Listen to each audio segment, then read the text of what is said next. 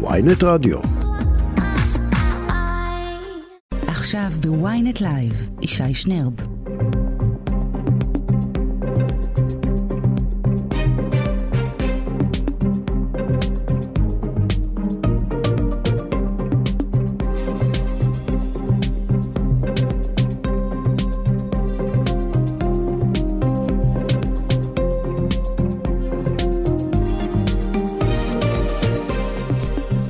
שבע וארבע דקות, בוקר טוב, אתם על ynet live, כאן ישי שנר, בעורכת ריקי כרמי על הפקת אסגדות, טכנאי השידור עמרי זינגר, ואנחנו בשעתיים עם כל מה שאתם צריכים אה, לדעת לקראת היום הזה, כמובן עדכונים מבית החולים שיבא, אה, שם אה, מאושפז בהשגחה ראש הממשלה בנימין נתניהו, על המחאה אתמול, נהיה עם המשנה ליועץ המשפטי לשעבר אה, לממשלה, ארז קמיניץ, האיש שעל שמו חוק קמיניץ המפורסם.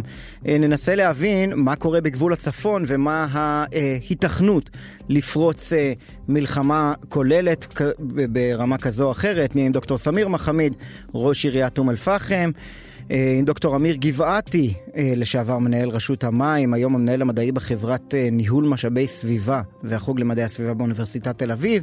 בכל זאת אנחנו מתמודדים עם איזה גל חום קטן. חברי הכנסת, חברת הכנסת נעמה לזימי תהיה כאן בהמשך.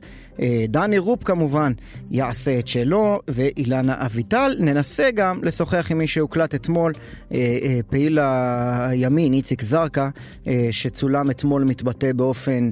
יוצא דופן בעליבותו אל מול מפגינים באזור אה, צפון בקעת הירדן. אבל אנחנו מתחילים עם ארז אל, רב סרן בדימוס אה, במילואים, יחידה 669, היום אדריכל. שלום לך, בוקר טוב. בוקר טוב. במילואים, אה, זה אומר, רב סרן במילואים, זה אומר שאתה עדיין משרת ביחידה? אה, האמת, אני השתחררתי לפני אה, אה, מספר שנים. ולו, שנים. ולו היית עדיין בשירות מילואים פעיל, מה היית בוחר לעשות בימים אלה? אני חושש, ואני אומר בצער רב ובאמת בכאב גדול, שאם אה, הקריאה השנייה והשלישית, חוק ביטול עילת הסבירות אה, כחלק מהמהפכה המשפטית אה, יחוקק, אני הייתי מפסיק את שירותי, ההתנדבות שלי. מפסיק את שירותך. את ההתנדבות, כן. כן. אז, אז, אני, אז אני מניח שאתה רואה ב, בחיוב או בהבנה את אה, מכתבי הסרבנות, האיום באי התייצבות שמתקבלים בצה"ל בימים אלה. אני אומר לא בחיוב אלא בהבנה. אני יודע, כמו מה שעבר עליי וכמו שאני רואה את הלוחמים שלצידי, איך, מה עובר עליהם, אני חושב שכל המעשה הזה הוא מעשה מאוד מאוד מאוד קשה, גם ברמה האישית, גם ברמה הלאומית. הדבר הזה נעשה בדם, מדם ליבנו, אבל לצערנו רובנו חושבים שזו הדרך היחידה, אולי הדבר האחרון שנשאר כדי לעצור את הטירוף שמשתולל כאן. אבל זה לא טירוף בפני עצמו? אפילו, אפילו אם כל טיעוניכם לגבי עילת הסבירות נכונים, עצם המצב שבו הצבא מגיע אל הממשלה והכנסת ואומר להם, עזבו חקיקה מסוימת. הצבא אומר את זה. ולהביא את הצבא לכדי כך. זה לא פוליטיזציה על מלא של השירות הצבאי בישראל, הקונצנזוס הכי רחב שיש לנו כאן, אה, אה, סלע קיומנו אה, ליטרלי? כן, אני חושב שאתה אמרת כמה דברים לא מדויקים. אחד, אה, אה, אנחנו אזרחים. הצבא, החיילים של הצבא, אני חושב עד עכשיו, אה, בטח מה שאני יודע, אף אחד לא חושב על זה. אזרחים שכרגע רואים איך צבא העם מתפרק, והאשם צריך להפנות אותו למקום אחד, את האצבע מאשימה, לא, ל, לא לאזרחים שנוקטים עמדה ומנסים להציל את הדמוקרטיה בפני עצמה, אה, אלא לראש הממשלה שלא עושה שום דבר כדי לעצור את זה. ראש הממשלה בפועל, אם זה יריב לוין, או ראש הממשלה אה, בטייטל שזה בנימין נתניהו. שניהם צריכים לשבת ולחשוב האם הצעדים שהם עושים הם כאלה שאכן אה, יכולים לעצור את הטירוף הזה. מה זאת אומרת? אבל, אבל יש, אנחנו, יש, אנחנו יש, ויכוח, יש ויכוח, ב, אתה אומר צבא העם, יש ויכוח בעם, נניח הדעות מתחלקות 50-50, 60-40, מה שתבחר. בסדר? לא משנה. כן. האם, האם, ב- לא, אבל ב- ב- בסדרי גודל כאלה, אם צד אחד בוויכוח מודיע אנחנו לא באים אה, אה, לשרת, ולא משנה משחק המילים הספציפיים, זה אי התייצבות למילואים, הפסקת התנדבות, בסופו של דבר זו פגיעה בכשירות צה"ל וביכולת שלו להגיב לאויב בזמן אמת, ועל ידי כך להשפיע על הרמטכ"ל ועל ראשי מערכת הביטחון, להזהיר את הממשלה לרדת ממהלך חקיקה בוויכוח הספציפי הזה. כלומר, הכרענו בוויכוח לא באמצעים הדמוקרטיים הרגילים, אלא באמצעות אה, אה, אה, אה, איום בהפעלת כוח או באי הפעלת כוח. לא, אמרת, אתה אמרת כמה דברים לא מדויקים ואני אנסה לעשות סדר. האחד, אה, האם אנחנו מאיימים? אף אחד לא מאיים, אנחנו לא מנסים להשפיע, כל אחד עושה מה שעל צו מצפונו, כמו שאמרתי קודם, באמת אה, אה, בכאב וב, ובהמון אה, אה, התחבטויות. אה, אנשים אה, לומדים לפני שהם לוקחים את ההחלטה הזאת, משתתפים בכנסים, שומעים את כל הצדדים, וכל אחד עם עצמו מקבל החלטה כאזרח. אה, זה אחד, אז אף אחד לא מאיים, ואני לא חושב שזה נכון, יש לו ניסיון להשפיע, זה הדרך... אה, אה, אחת הדרכים בדמוקרטיה, דרך לא אלימה, כדי לנסות להשפיע. אז זה אחד. שתיים, אני חושב שצריך רגע לשים את הדברים בפרופורציה. בפרופורציה של מה שקורה כאן. Mm-hmm. העניין עכשיו הוא שינוי שיטת המשחק. הוא לא עוד דבר, הוא לא כל אחד אם הוא לא בא לו אז הוא מתחיל לאיים או כל דבר אחר. יש פה מהלך שהממשלה עצמה, השרים שלה, אמרו בפירוש, אנחנו משנים את שיטת, אה, אה, שיטת הממשל. אה, יריב לוין אמר את זה בעצמו, אנחנו עכשיו הופכים את מדינת ישראל, אם, הכל היה עובר, זאת לא הייתה מדינה דמוק, דמוקרטית יותר. ולשינוי שיטת המשחק, אני אישית מאמין, אני מדבר בשם עצמי כמובן, שצריך קונצנזוס. אי אפשר לעשות את זה בהחלטה של הרוב. ולכן, זה לא עוד אה, איזושהי פעולה שאולי אני לא מסכים איתה, ויצאתי להרבה כאלה בעברי, גם כמילואימניק וגם כסדיר.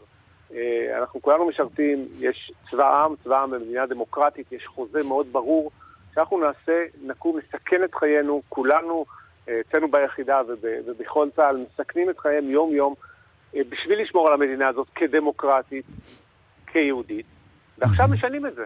משנים את זה, צריך לשנות את זה. מצד אחד זה אומר שפורמים את החוזה, ואין אה, צבא עם, במשילות החוזר, ואין צבא עם במדינה אה, דיקטטורית. ואם אה, אה, אה, משנים את זה, צריך לשנות את זה בהסכמה כללית של העם, וזה לא קורה לצערי. אני רוצה לקרוא לך, אני רוצה לקרוא לך מתוך הטור שמפרסם פרשן הצבאי יוסי יהושע הבוקר בידיעות אחרונות. התוצאה היא שצה"ל והממשלה מוחזקים למעשה בגרון, בידי קבוצה של אנשים שאין להפחית בתרומתם, אבל גם לא ניתן למזער את פוטנציאל הנזק שהם גורמים להבטחת הפעילות של צה"ל. הכוונה היא לא רק לפגיעה בכשירות הביטחונית, אלא לכללי היסוד של פעילות הצבא. היום היו מגיעה מהצד של המתנגדים לתוכניות הממשלה.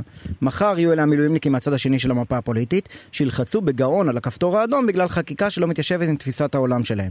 נכון ומותר למחות בעוצמה, כותב יוסי יהושע, אבל השימוש בנשק יום הדין הוא פגיעה ישירה בביטחון של כולנו. מה ימנע מחר מכל הקצינים הדרוזים להודיע לי התייצבות בגלל הטורבינות וכל הקצינים המתנחלים בגלל איזה פינוי בחומש וכל אה, כל קבוצה וקבוצה זה פירוק צה"ל לגורמים. אני חוזר לנקודה שלי, אני חוזר לנקודה שלי.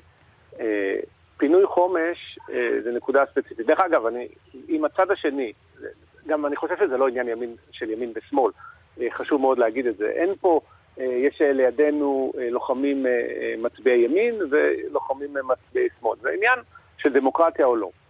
כלומר... לשיטתך, לשיטת לא, אנשים לא, לא, לא, שחלוקים עליך בצד השני, הם, הם חושבים שמה שאתה מקדם זה לא דמוקרטיה, והם כן דמוקרטיה. תן להגיע לנקודה. אני, אני לא מדבר על זה. אה, אני לא, לא זאת הנקודה, אני רציתי להגיד שהקבוצה היא לא ימין ושמאל, מי ש... אה, אתה יודע את כל הדוגמאות, מה יקרה אם קבוצת ימין מסוימת תחליט על פינוי בחומש. אה, אני רוצה רגע להגיד, לתת פה את ההסבר שלי לנושא. אם לצורך הדיון, ממשלה אחרת תחוקק חוקים שמשנים את חוקי המשחק כך שמצביעי או, או המתנחלים בחומש אה, לא יוכלו אה, להשתלט על הגבעה.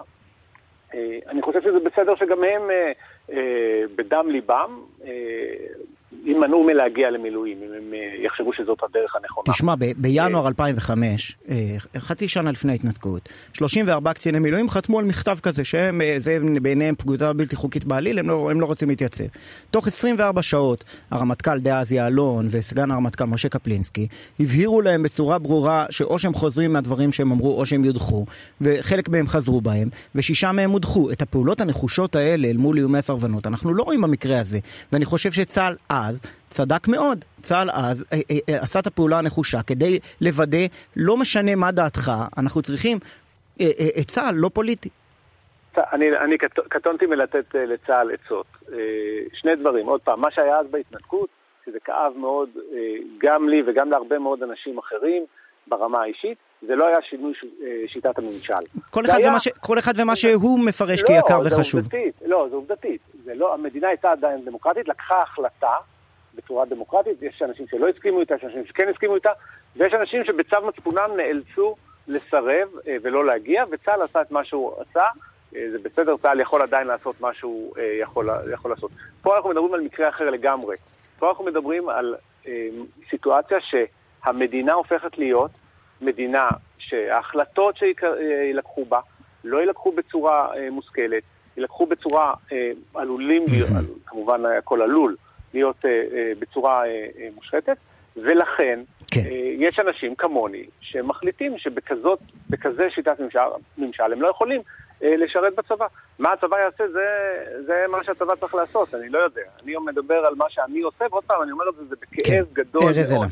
רב סרן במילואים 669, היום אה, אחד אה, מהאדריכלים שמשתתפים במחאות. תודה רבה לך. תודה רבה. יופי.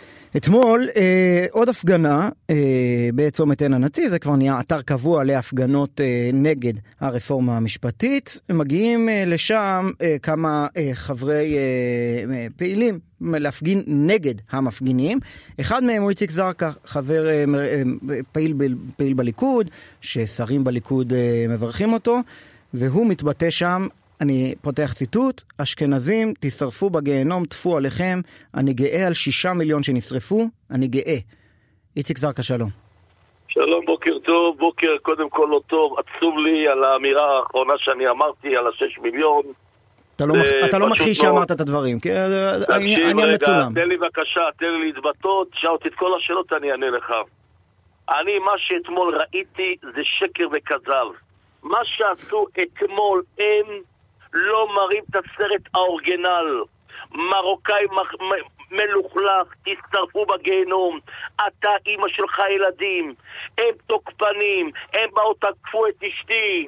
הם תקפו אותי, ואני לא אלך להרים יד על בן אדם מבוגר, חס ושלום. אני זרקה מאופק. אמרתי את השישה מיליון אחרי ש... את האיפוק כולנו ראינו, אבל, אבל רגע, איציק זרקא, תסביר. אה, אה, אתה אומר שהם אה, אמרו לך ביטויים כאלה ואפילו תקפו את אשתך? כן, כן, כן. תסביר מה, אומר, מה, מה לא ראינו בסרטון. לי, סליחה, זה כמו שקרה לי בבלפור, הם יודעים לך... איך אומרים, לך תחמם אותי טוב טוב, ואחר כך מותק הם מקליטים מה שהם רוצים להקליט. רגע, מה לא ראינו בסרטון? אני על 6 מיליון. אני מצטער, מצטער מיליון פעם, מיליון פעם אני מצטער. זה רגע בכלל לא בשפיות. גם הם אמרו, נהרוג את ביבי. אתמול גם שני זקנים, ביבי מת, מתי מועד הלוויה, מתי אתם תמותו, מתי ההורים שלכם. גם הם דיברו, והם באו ראשונים, ובכיכר שהסתובבתי באו שתי בנות זקנות. אוי, שוטר! הוא ניסה לדרוס, במקרה ישב פה קצין בילוש, ראה את הכל, ואני זרקה.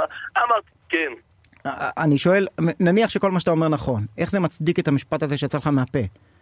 אני לא יודע, אתה גאה על שישה מיליון שנשרפו? יצא לי מתוך תסכול, מרמור, אני חוזר בי, לא הייתי צריך להגיד את האמירה הזאת, אמירה מגעילה ביותר.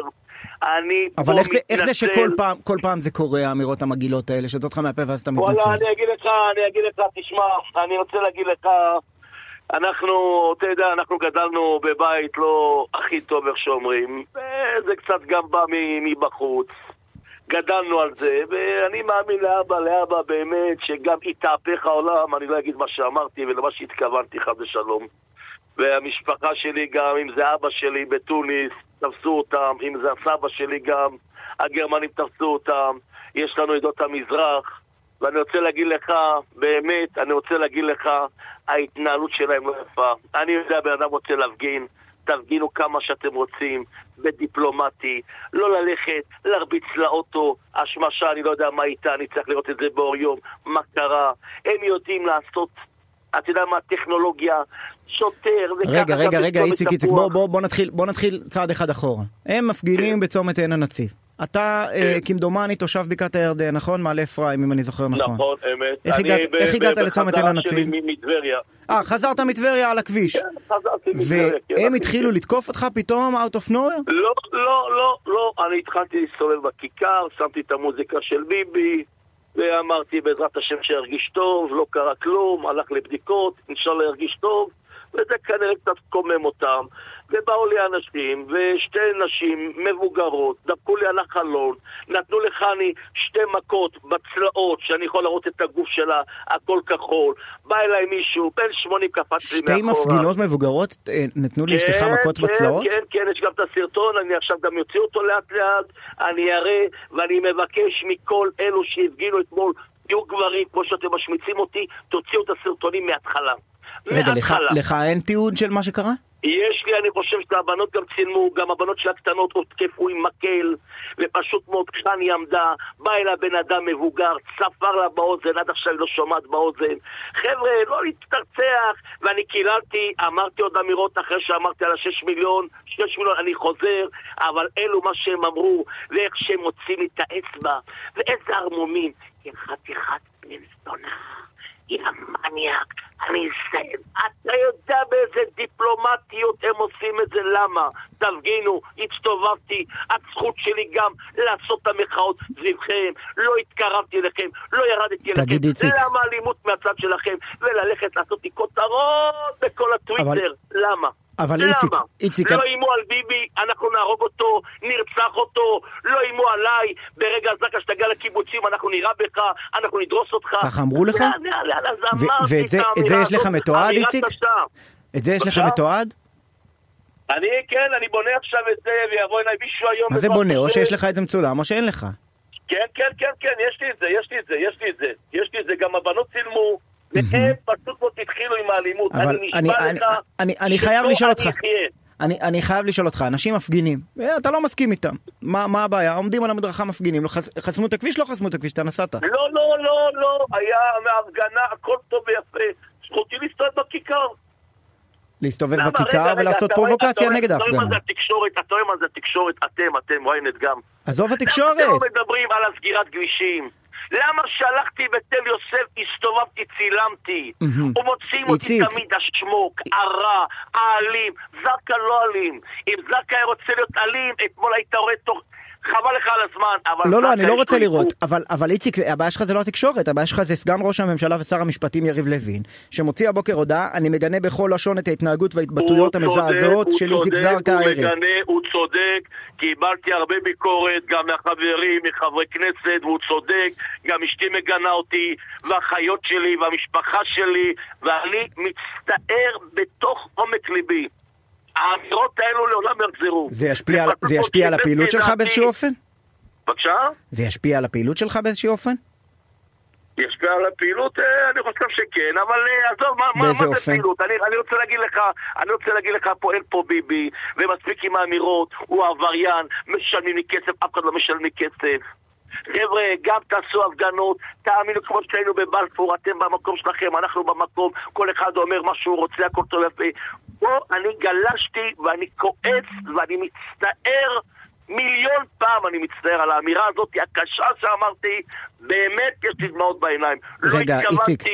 אני לא בן אדם כזה. אם הייתי אלים כמו שאתם מציירים אותי אלים, וואלה הייתי יכול להפיל שש-שבע אנשים שם אתמול בלילה. לא רוצה. חטפתי, חטפתי אנשים מבוגרים, אני לא יכול להחזיר להם, ולא משנה אם זה גם צעירים, לוקח שני צעדים, מבקש תמיד בהנחת תפילין, תרחיק אותי מהדברים האלו. באמת תרחיק אותי מהדברים האלו. ואני מבקש עוד פעם מהאנשים האלו שצילמו, לצלם מההתחלה. היה שם בחור קרח, צעיר, שצילם את הכל. תוציאו בבקשה, תוציאו בבקשה את הסרטון מהתחלתו. בבקשה, תראו את הכל. תראו את האמת מי התחיל. אבל איציק זה... מי לכלך, איזה מילים, איזה גועל נפש, הזקנים האלו, מה שהם אמרו. ו... ילדים קטנים, הלב שלי בן שבע חטף מקל בראש, למה? ואם זרקא היה מכתיב חס ושלום, מה היה קורה עם התקשורת? זרקא היה עצור עד תום ההליכים. וישבה שם משטרת בית שאן, הסתכלה על הפעילות שלי. הם עוברים דרך המצלמה, יא בן זונה. יא מניאק, איך בגיל שלך בת 80 מדברת ככה, איך? אני פשוט מאוד, איציק זרקא. אני פשוט מאוד מתבייש. איציק זרקא מתבייש, מתברר גם אשתך מתביישת, השרים בליכוד, תודה רבה לך. נכון, נכון, נכון. תודה רבה. אתה צודק מה שאתה אומר, אני חוזר בי וזה לאבא לא יהיה. איציק זרקא, אה, פעיל הליכוד, תודה רבה לך. תודה גם לכם, תודה. טוב, אה, ומפסים האלה לפסים קצת יותר אה, רציניים של הוויכוח הציבורי. ארז קמיניץ איתנו, משנה ליועץ המשפטי לממשלה לשעבר, כיום ראש תחום רגולציה במשרד ארדינס בנתן טולידנה ושות', שותף במחאת הגלימות השחורות, שלום לך, בוקר טוב. בוקר טוב ישי, בוקר טוב למאזינים. אז אנחנו מדברים קודם כל ברמה הטכנית, אה, אה, כוונת ועדת החוקה להביא את, אה, להכין את הצעת אה, חוק הסבירות לקריאה שנייה ושלישית במליאה עד לשבוע הבא. אה, ואתה מן הסתם מתמקד יותר במשמעויות המשפטיות של הדבר הזה. כן, בהחלט. אה, בהחלט רואים שהדרך של הדרך לקואליציה אה, להעביר את הצעת החוק הזו בקריאה שנייה, שנייה ושלישית mm-hmm. עוד במושב הזה. ויש בהחלט משמעויות רציניות, חריפות למדי להצעה הזאת, אם היא תישאר ב... אה, בנוסח שלה כפי שהיא כרגע. אה, יש בה אה, ביטול אפשרות לביקורת שיפוטית על שורה ארוכה של החלטות של הדרג המדיני, אנחנו מדברים על החלטות שרים, לא רק על החלטות ממשלה. זה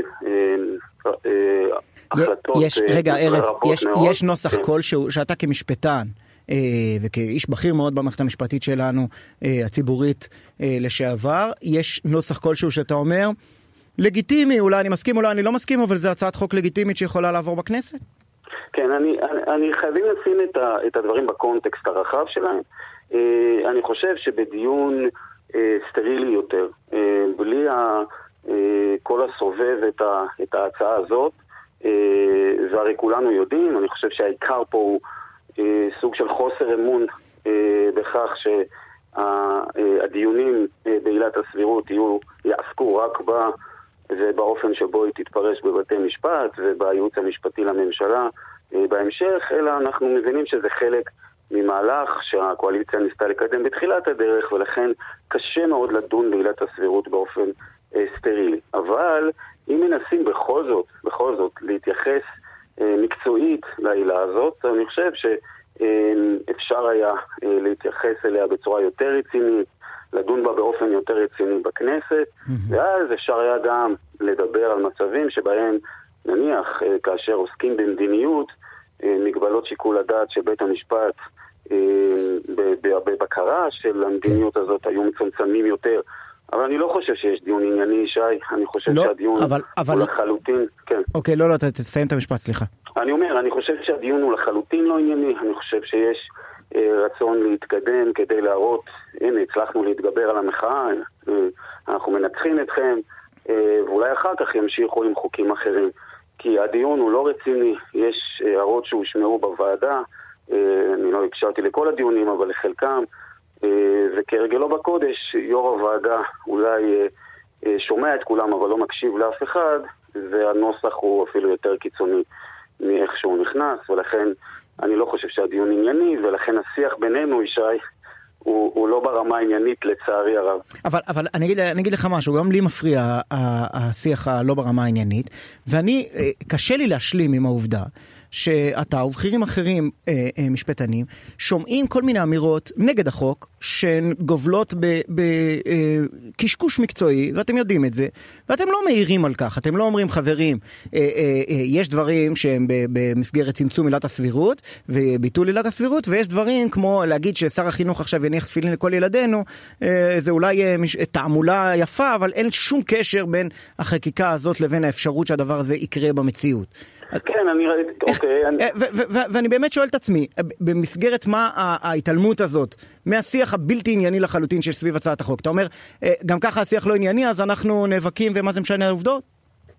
תראה, ישי, אני אגיד לך, קודם כל, כאשר נעשות טעויות אה, אקוטיות וקרדינליות, אני חושב שכן כן הייתה אמירה, למשל, יש, אה, אה, יש איזשהו שיח טוקבקיסטי או, או ברשתות החברתיות החב, השונות על כך שעילת הסבירות, אה, ביטול עילת הסבירות תמנע אה, בקרה של חוקים, שזה כמובן, כמו, ש, כמו שאמרת, קשקוש, עילת הסבירות עוסקת בהחלטות מנהליות ולא בחוקים, וכאשר הייתה הטעות הזאת, אני חושב שכן, אה, אני לפחות תיקנתי, חלק מחבריי תיקנו, אבל באמת, אני, אני אומר, קשה לקיים שיח ענייני כשהעוצמות של הוויכוח אה, נמצאות בכלל במקום אחר.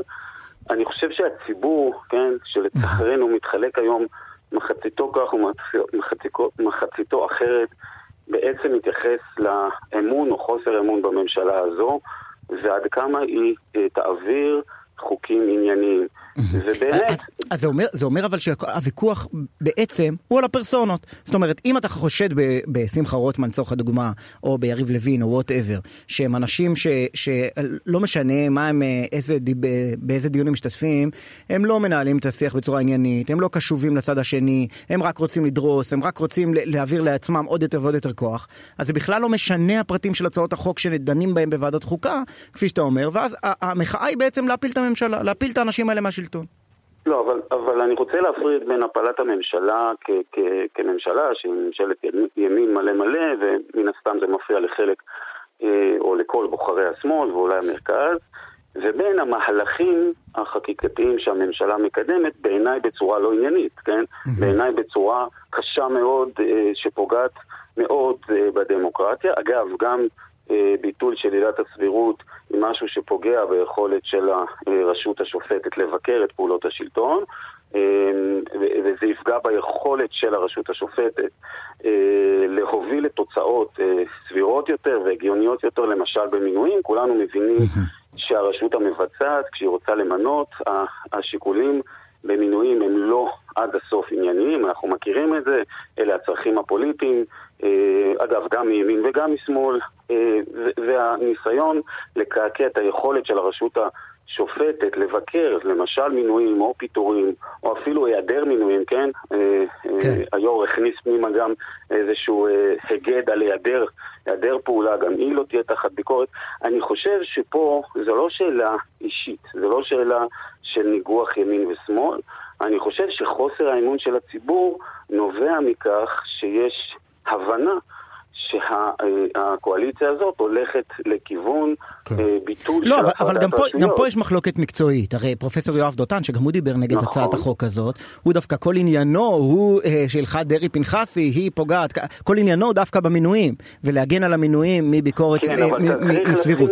אבל, אבל, אבל הנקודה, הנקודה יותר עמוקה. יש, אוקיי. יש בעולם המשפטי ויכוח שנערך כבר, לא יודע, 30-40 שנה, ויש הצד השמרני בוויכוח הזה, כפי שאתה יודע היטב, מרגיש מאז שנות ה-80 והרחבת אה, אה, זכות העמידה, והפיתוח הנרחב של עילת הסבירות אה, שאנחנו מדברים עליה עכשיו, והישיבה אפילו, אפילו של בג"ץ על אה, אה, פסילת אה, אה, חוקי יסוד. Uh, במסגרת uh, שימוש לרעה בסמכות המכוננת, וכמובן המהפכה החוקתית של 95. כל אלה בעיני הרבה אנשים שאבו כוח אל הרשות השופטת בצורה שלא הייתה בהסכמת שני הצדדים, בהסכמות רחבות, ובצורה שלא נעשתה בדיון ציבורי סדור, וכבר במהפכה החוקתית הייתה איזה ביקורת אפילו של בית המשפט. אה, ובכל זאת אתה רואה שכשמנסים אה, לסגת מעט אחורה וצמצום עילת הסבירות, איך שלא תהפוך את זה, זה לא הרפורמה המשפטית במלואה, עדיין השיח הוא לא ענייני. כן, אבל, אבל ישי, אני, אני באמת, אפשר רק להצטער שנגררנו לשיח אה, קוטבי כזה ולא ענייני. זה שיח שהוא, אה, כל אחד חושד, כל צד חושד בצד השני, שכל הערה עכשיו תוביל להליכה אל התהום, או אנחנו עומדים בפני התהום, וכל אה, חקיקה היא צעד אחד קדימה. הנוסח המקורי של, אני מזכיר, הנוסח המקורי של שורת החוקים שניסו להעביר בכנסת, שהיא ממש מהפכה משטרית, הוביל את הציבור להבין, או להפנים, או לאבד אמון, בכך שכל צעד של הממשלה עכשיו הוא צעד ענייני. כולה, הציבור מרגיש חוסר אמון משווע במוסדות שמעבירים חקיקה, כן, בקואליציה, בוועדת החוקה, ולכן לא מאמין לכל צעד או שעל שלהם. אבל תראה, אבל, אבל יש גם צד השני, יש גם צד השני לוויכוח הזה, יגידו על, נכון, על, עליכם המשלה, אתה כבר לא, אבל יגידו המשנים ליועץ המשפטי לממשלה, חוששים לאבד את כוחם שהם יכולים היום לכתוב, אה, זה, נוסח לא סביר על, כל מיני הצעות, על כל מיני פעולות מנהליות, והם בניגוד עניינים, הם בסך הכל נאבקים על כוח.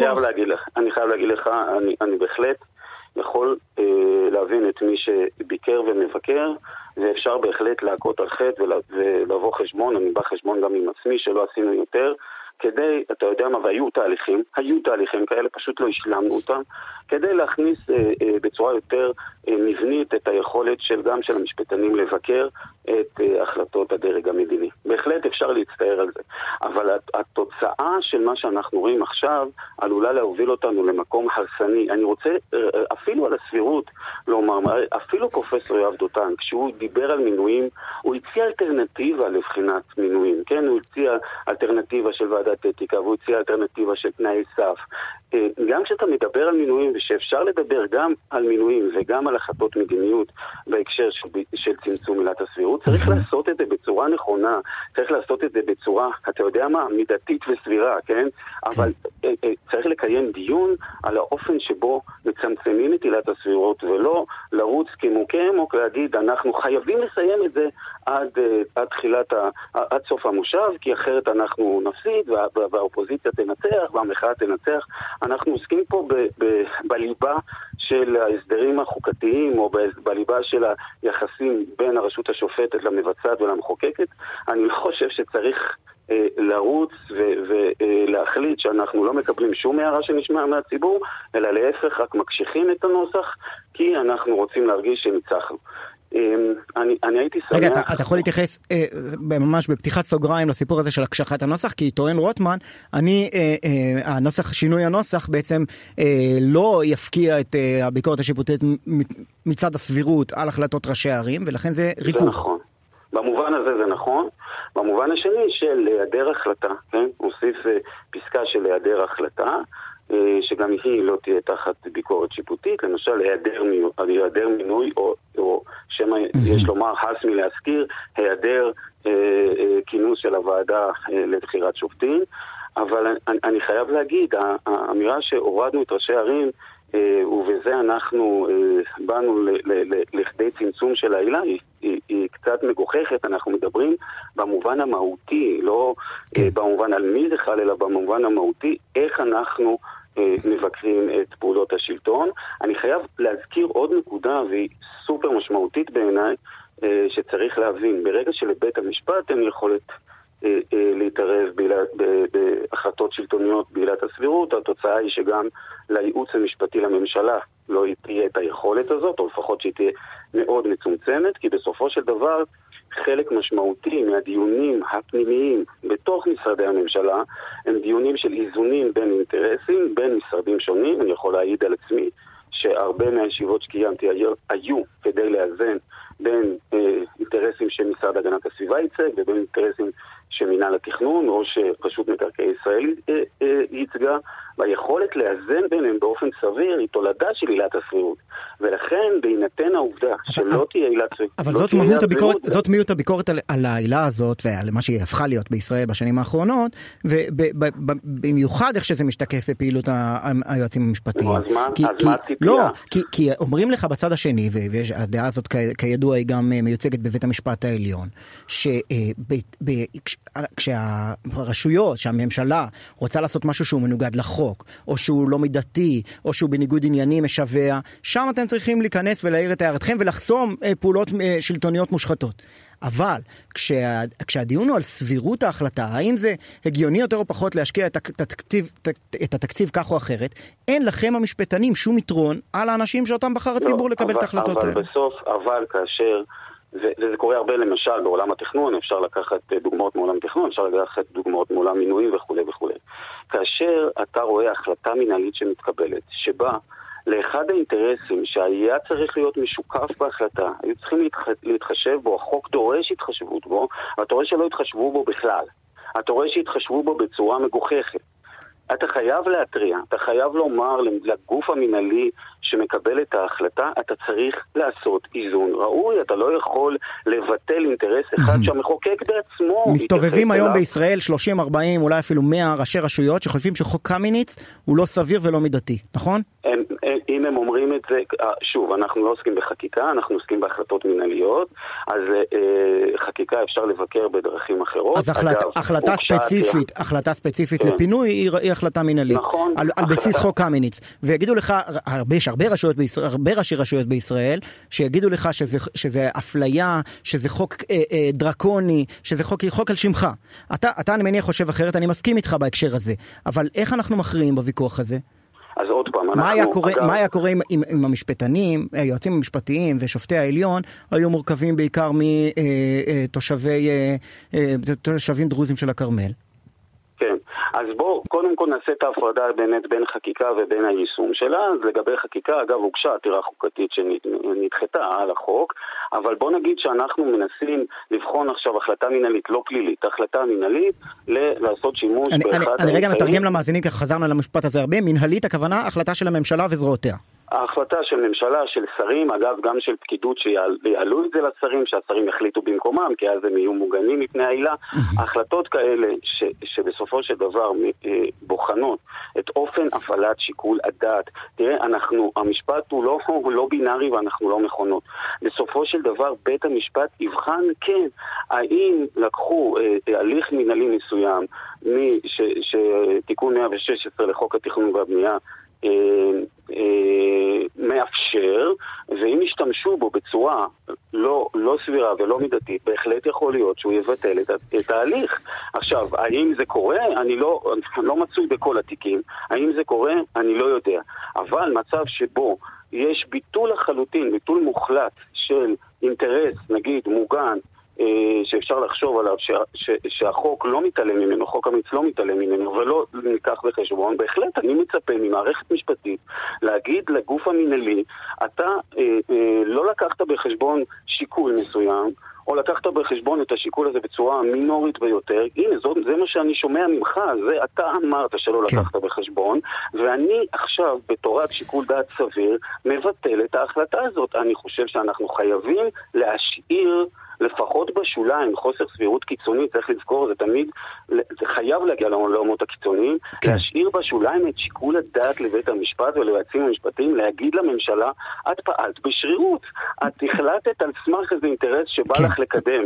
כן, בנייה, כן, למשל, רק, רק משפט אחד. בא לך לקדם עכשיו, כי יש משבר דיור, את פעלת בשרירות והחלטת שרק הדיור חשוב ולא חשוב, נניח, בריאות הציבור, כן? ואני קורא לך להכניס פנימה לתוך השיקולים גם את בריאות הציבור. בשיחתנו הבאה, האם הוויכוח הזה שווה גם את אה, אה, פירוק צה"ל וחסימות כבישים וכולי, אבל זה ככה להזדמנות אחרת. נכון. ארז קמיניץ, לשעבר המשנה ליועץ המשפטי לממשלה, תודה רבה לך. תודה רבה, ישי, ביי, להתראות. ואנחנו עם הודעה של ארגון יוזמות אברהם, אחרי הרצח האחרון בחברה הערבית בפורי דיס, 123 אזרחים ערבים קיפחו את חייהם בשנת 2023 בנסיבות הקשורות לאלימות ולפשיעה, מהם 116 אזרחים. Uh, בתקופה המקבילה אשתקד היו 56 קורבנות. אלה הפערים בספירה של יוזמות אברהם. דוקטור סמיר מחמיד, ראש עיריית אום אל-פחם, שלום.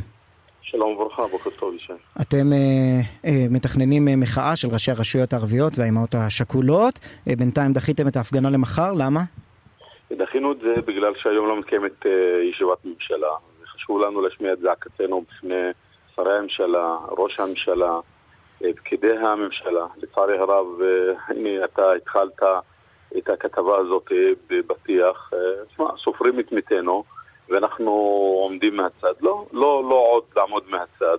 אנחנו, לצערי הרב, חברה מדממת, אנחנו חפצי חיים, אנחנו רוצים לחיות, הצעירים שלנו רוצים לחיות, אה, ועם כל הכבוד, מישהו צריך לעשות מעשה. אנחנו בחלקת אלוהים שלנו, כל ראשי כן. רשויות, משתדלים לעשות את כל המותר. אני יכול לעסוק בחינוך, עם נוער בסיכון, ברווחה, גם בעוני, אבל גם למרות כל הדלות של המשאבים, אנחנו עושים איגום ומנסים להגיע. תשמע, אני אתן לך דוגמה אצלי.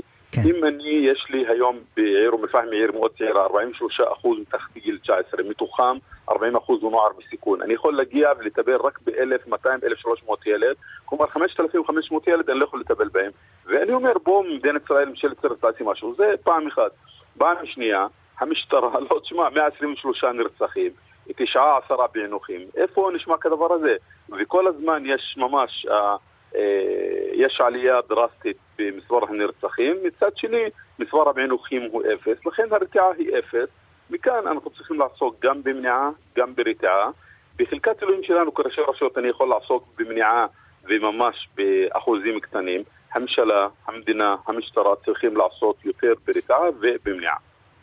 כן, ו- ואתה מרגיש שהמשרד לביטחון הפנים שאחראי על זה, המשרד לביטחון לאומי כפי שהוא נקרא עכשיו, אה, שינה דרמטית את הפעילות שלו למניעת רצח אה, בין הממשלות? תשמע, יש, יש, יש תוצאות לצערי הרב. תשמע, אם, אם, אם הנושא של תוכנית מסלול בטוח היא כבר כמעט ולא מיושמת, כלומר, הנושא של ארגוני הפשיעה וכל הנושא הכלכלי הוא לא באג'נדה ממש בראש מעיינה של הממשלה הזאת. ארגוני הפשיעה צריכים להרגיש שממש מקיבים להם בכיס. עכשיו, מצד אחד לא, לא פוגעים באותם אנשים, מצד שני הצעירים שלנו, ואתה יודע מה, גם האנשים שלנו הולכים ולוקחים הלוואות בשוק האפור, ואז למחרת או אחרי חודש באים ומבקשים לגבות את הכסף הזה בעשרות, בעשרות, ואם לא, לא משלמים, אז אתה יודע מה, היום אתה יודע מה, אני, אני לא יודע אפילו לבחור מילים. כן. היום כבר, הם לא, תשמע, הם קודם חיפשו את הכתובת, מי, מי שלקח את ההלוואה, היום הם לוקחים את המעגל הראשון, או, והשני והרביעי. בוא נדבר על זה, כי אנחנו רואים, אנחנו רואים, את, ובוא ננסה לנתק את השיחה שלנו עכשיו, אני רוצה נטו להתמקד בבעיה שדורשת פתרון, בעיית הרצח במגזר הערבי. ו- ואתה רואה לאחרונה במיוחד, ראינו את זה בסכסוך בכרי חרירי, אבל בעוד סכסוכי משפחות, שזה לאו דווקא אה, במקרים של ארגוני פשיעה מאוד מאורגנים, עם חיילים, עם מערך היררכי, כל הדברים שמשטרת ישראל מכירה. יש סכסוך בין שתי משפחות, ו- לא ואנשים משפחות. חפים... הכבוד, זה לא משפחות. זה ארגוני פשיעה, זה לא משפחות. במקרה של בכרי וחרירי זה ארגוני פשיעה, אבל במקרים, לא כל האנשים, במקרים אחרים, משפחות, במקרים אחרים אתה רואה שיש זה... אה, סכסוך שיכול להתחיל מדברים מקריים, מסכסוך חנייה, מריב של הילדים בבית ספר. חורה לי שמדברים על משפחות, כי יש הרבה אנשים במשפחות וכל, אתה יודע מה, שהם אנשים הכי נורמטיביים שאפשר. לכן רק צריך לדבר על ארגוני פשיעה וצריך להתביית על אותם ארגוני פשיעה ומדינת ישראל, ממשלת ישראל יכולה לעשות את זה, גם משטרת ישראל. לצערי הרב, ארגז הכלים שמשתמשים בו בחברה הערבית הוא לא אותו ארגז כלים שמשתמשים בחברה היהודית. אבל, אבל זה לא רק ארגוני פשיעה, אנחנו רואים מקרים שבהם... יש אה, סכסוכי אה, משפחות, אני לא אומר שאין סכסוכים, אבל אתה יודע מה... ואנחנו רואים מקרים שבהם אדם חף מפשע, כמו למשל אה, אה, אה, עיתונאים וכל מיני אנשים כאלה, יכולים להירצח או מנסים לרצוח אותם רק בגלל שהם קרובי משפחה של מישהו שהכעיס מישהו אחר. בסדר, אתה יודע מה, ישי, אני, אני אומר את זה שוב, אבל, אבל המקור, הסיבה לזה, זה אותה, אותה, אותו, אותו ארגון פשיעה, וזה לא, כלומר, הזיקה היא אחר כך, לצערי הרב, היא הזיקה המשפחתית שיש משחק תפקיד. ותשמע, אני אומר שמישהו צריך לעשות מעשה, ולכן אנחנו הולכים להשמיע את זעקתנו מול משרד ראש הממשלה. למה אנחנו אמרנו, ואנחנו חוזרים ואומרים, צריך למנות פרויקטור אזרחי שיבוא ויתכלל את הנושא, את כל הנושא של נוער בסיכון, חסרי מעש, כלומר כל הנושא של חינוך, רווחה, שיכון, כן. תחבורה, כי כל הדברים קשורים אחד לשני, וצריך מישהו שממש מקבל את המנדט מראש הממשלה, ויהיה ממש בעל, בעל דעה ובעל החלטה שם. אנחנו לא רוצים עוד פעם לחזור לאותו סרט של רק ועדות וועדות משנה וכל הדברים האלה. הגיע הזמן אמת, צריך לעשות מעשה ולא רק לספור את המתים. דוקטור סמיר מחמיד, ראש עיריית אום אל-פחם, תודה רבה לך. בבקשה, ביי ביי. 747 עכשיו, אנחנו uh, בעיצומו של uh, גל החום קליאון, איתנו דוקטור אמיר גבעתי, המנהל המדעי בחברת ניהול משאבי סביבה והחוג למדעי הסביבה באוניברסיטת תל אביב, שלום לך, בוקר טוב. בוקר טוב. קודם כל, סוגיה ברומו של עולם שמטרידה את מנוחתי כבר כמה ימים, ממתי נותנים שמות לגלי חום ולא רק לסערות וסופות? יותר uh, באירופה, מכיוון שמדינת ישראל חתומה על הסכם עם uh, שירותים גם ביוון וגם בקפריסין, אז התחילו לתת גם שם לגלי חום, אני פחות מתחבר לז'אנר הזה, זה אכן יותר מאפיין סופות uh, בארצות הברית, טורנדו, הוריקן. התחילו לאחרונה גם לשייך את זה לגלי חום, שזה בסדר. אוקיי, אז, אז אנחנו נימנע מלהגיד את השמות שאתה לא אוהב, אבל uh, uh, יגידו ש... ישאלו השואלי, השואלים האם מדינת ישראל היא לא, אה, הקיץ הישראלי הוא לא גל חום אחד גדול, איפשהו מיוני עד אה, אוקטובר? אז נכון שאצלנו יש תקופה חמה ויבשה, בניגוד למקומות אחרים, רצופה וארוכה, אבל, וזה עבד מאוד, עבד מאוד גדול, גל החום הנוכחי הוא באמת חריג. אנחנו בדרך כלל מדברים על 30 מעלות, כן? 30 מעלות בצל, מה שקורה בשבוע האחרון ונמשך גם לשבוע הקרוב, בטמפרטורות של משהו כמו 4-5 מעלות מעל הממוצע, זמן ממושך, זה בפירוש אירוע אה, שלא מאפיין את הקיץ הישראלי. הקיץ הישראלי הוא יציב בדרך כלל, טמפרטורה לא משתנה, פה אנחנו מקבלים איזשהו משך זמן של גל חום ממושך, ארוך, לא בטוח שהיה אפילו ברשומות כל כך ארוך, וזה בפירוש חלק מהמגמה המדאיגה של כל העולם, אז זה דבר רציני, כן. ואנחנו מייחסים אותו להתחממות הגלובלית? זה שתי סיבות השנה שהופכות את 2023 לשנה מאוד מאוד מיוחדת ונדירה. אז אחד זה באמת המגמה הארוכה של ההתחממות הגלובלית שמאיצה וקורית מהר יותר ממה שחשבנו. לפי התחזיות, טמפרטורות כאלה או גלי חום כאלה היו אמורים לקרות רק עוד עשור, ב-2030, זה קורה כבר עכשיו. על זה צריך להוסיף את האלניניו, שזו תופעה מחזורית, לא מתמשכת, קורית פעם בארבע, שבע שנים, פעם אחרונה קרה ב-2016, שגם היא הייתה השנה הכי חמה בהיסטוריה. אלניניו זה פשוט תופעה שהאוקיינוסים הופכים חמים מהרגיל, וזה משפיע על כל העולם. אז יש לנו השנה התלכדות של שתי סיבות, גם המגמה ארוכת הטווח של ההתחממות, שהולכת ונהיית מהירה משנה לשנה, וגם תופעות אלניניו, ולכן אנחנו שוברים שיאים בכל העולם. האמת שדיברת על ישראל ועל הקיץ הישראלי, אנחנו עוד בקצה של הדבר הזה. יש מקומות שסובלים הרבה יותר, כולנו קראנו וראינו באירופה השבוע, כן, בדיוק היום, ראשון, שני, מחכים לשבור שיא באיטליה, 48 מעלות. כן. ובארצות הברית היום, יהיה אצלנו בשעות הלילה, יכול להיות שנשבור שיא בקליפורניה, 54 מעלות באזור שנקרא עמק המוות. אז אצלנו גרוע, אבל הרבה פחות ממקומות אחרים בעולם. זה רק מראה שהתופעה הזאת עולמית. בואו נזכור גם שאחת הבעיות שלהם זה שאין להם מזגנים. זה בדיוק העניין באירופה, שיעורי המזגון הם אחוזים בודדים. קצת קשה להבין איך אחרי כל הגלי חום שהם עברו בשנים האחרונות, גם שנה שעברה, פורסם, פורסם שלמעלה מ-60 אלף איש נפטרו בגל החום הזה, עדיין לא עשו שם את הסוויץ' הזה ולא עברו באמת למצב של הסתגלות ואין להם עדיין מזגנים. אז בארה"ב המצב יותר טוב, יש מזגנים גם אצלנו. באירופה באמת בתחבורה הציבורית, במקומות העבודה, במקומות ציבוריים אין מזגנים, ולכן באמת הם מאוד רגישים לשינויים האלה. מדינות כמו איטליה, ספרד, צרפת ויוון, זה מספר בלתי נתפס, למעלה מ-60 אלף איש. נכון שמדובר באוכלוסיות בסיכון, לא בכלל האוכלוסייה, אבל לא שמנו לב כל כך, אבל בשנים האחרונות גלי חום הפכו לגורם המוות מספר אחד באסונות טבע. עד לפני כמה שנים זה היה סופות, הוריקנים וטורונדו, אלה שנותנים להם את השמות. Mm-hmm. אולי, אם, אם נחזור לתחילת דברינו, אולי זה באמת מוצדק עכשיו באמת כן. לכנות אותם בשמות ייחודיים, זה הפך להיות גורם המוות מספר אחד. זהו, ועמותות כמו צלול כותבים בהקשר הזה שממשלת ישראל נמנעת מלחוקק את חוק האקלים, וזו בעיה. אנחנו מכירים גם את ההתנגדות שיש בממשלה הקודמת בכמה עמותות אחרות לחקיקה הזאת. איפה אתה עומד, דוקטור אמיר גבעתי? אני חושב שבכל העולם חייבים להבין שחייבים לעשות משהו. הפתרון נמצא בידי ממשלות, לא רק בידי ישראל כמובן, אלא קודם כל שיתוף פעולה בינלאומי, כמו הוועידות שראינו שער המשך שנה שעברה. Mm-hmm. הבעיה שבעולם עוד לא הגיעו להסכמה על uh, יעדים לפליטת גזי חממה. אין ספק שגם ישראל חייבת להיות חלק מהתהליך הזה, גם בישראל צריך להיות חוק אקלים שפשוט יקבע כמה מותר לנו לפלוט גזי חממה. לכן מי שאומר שצריך לעשות יותר, צודק.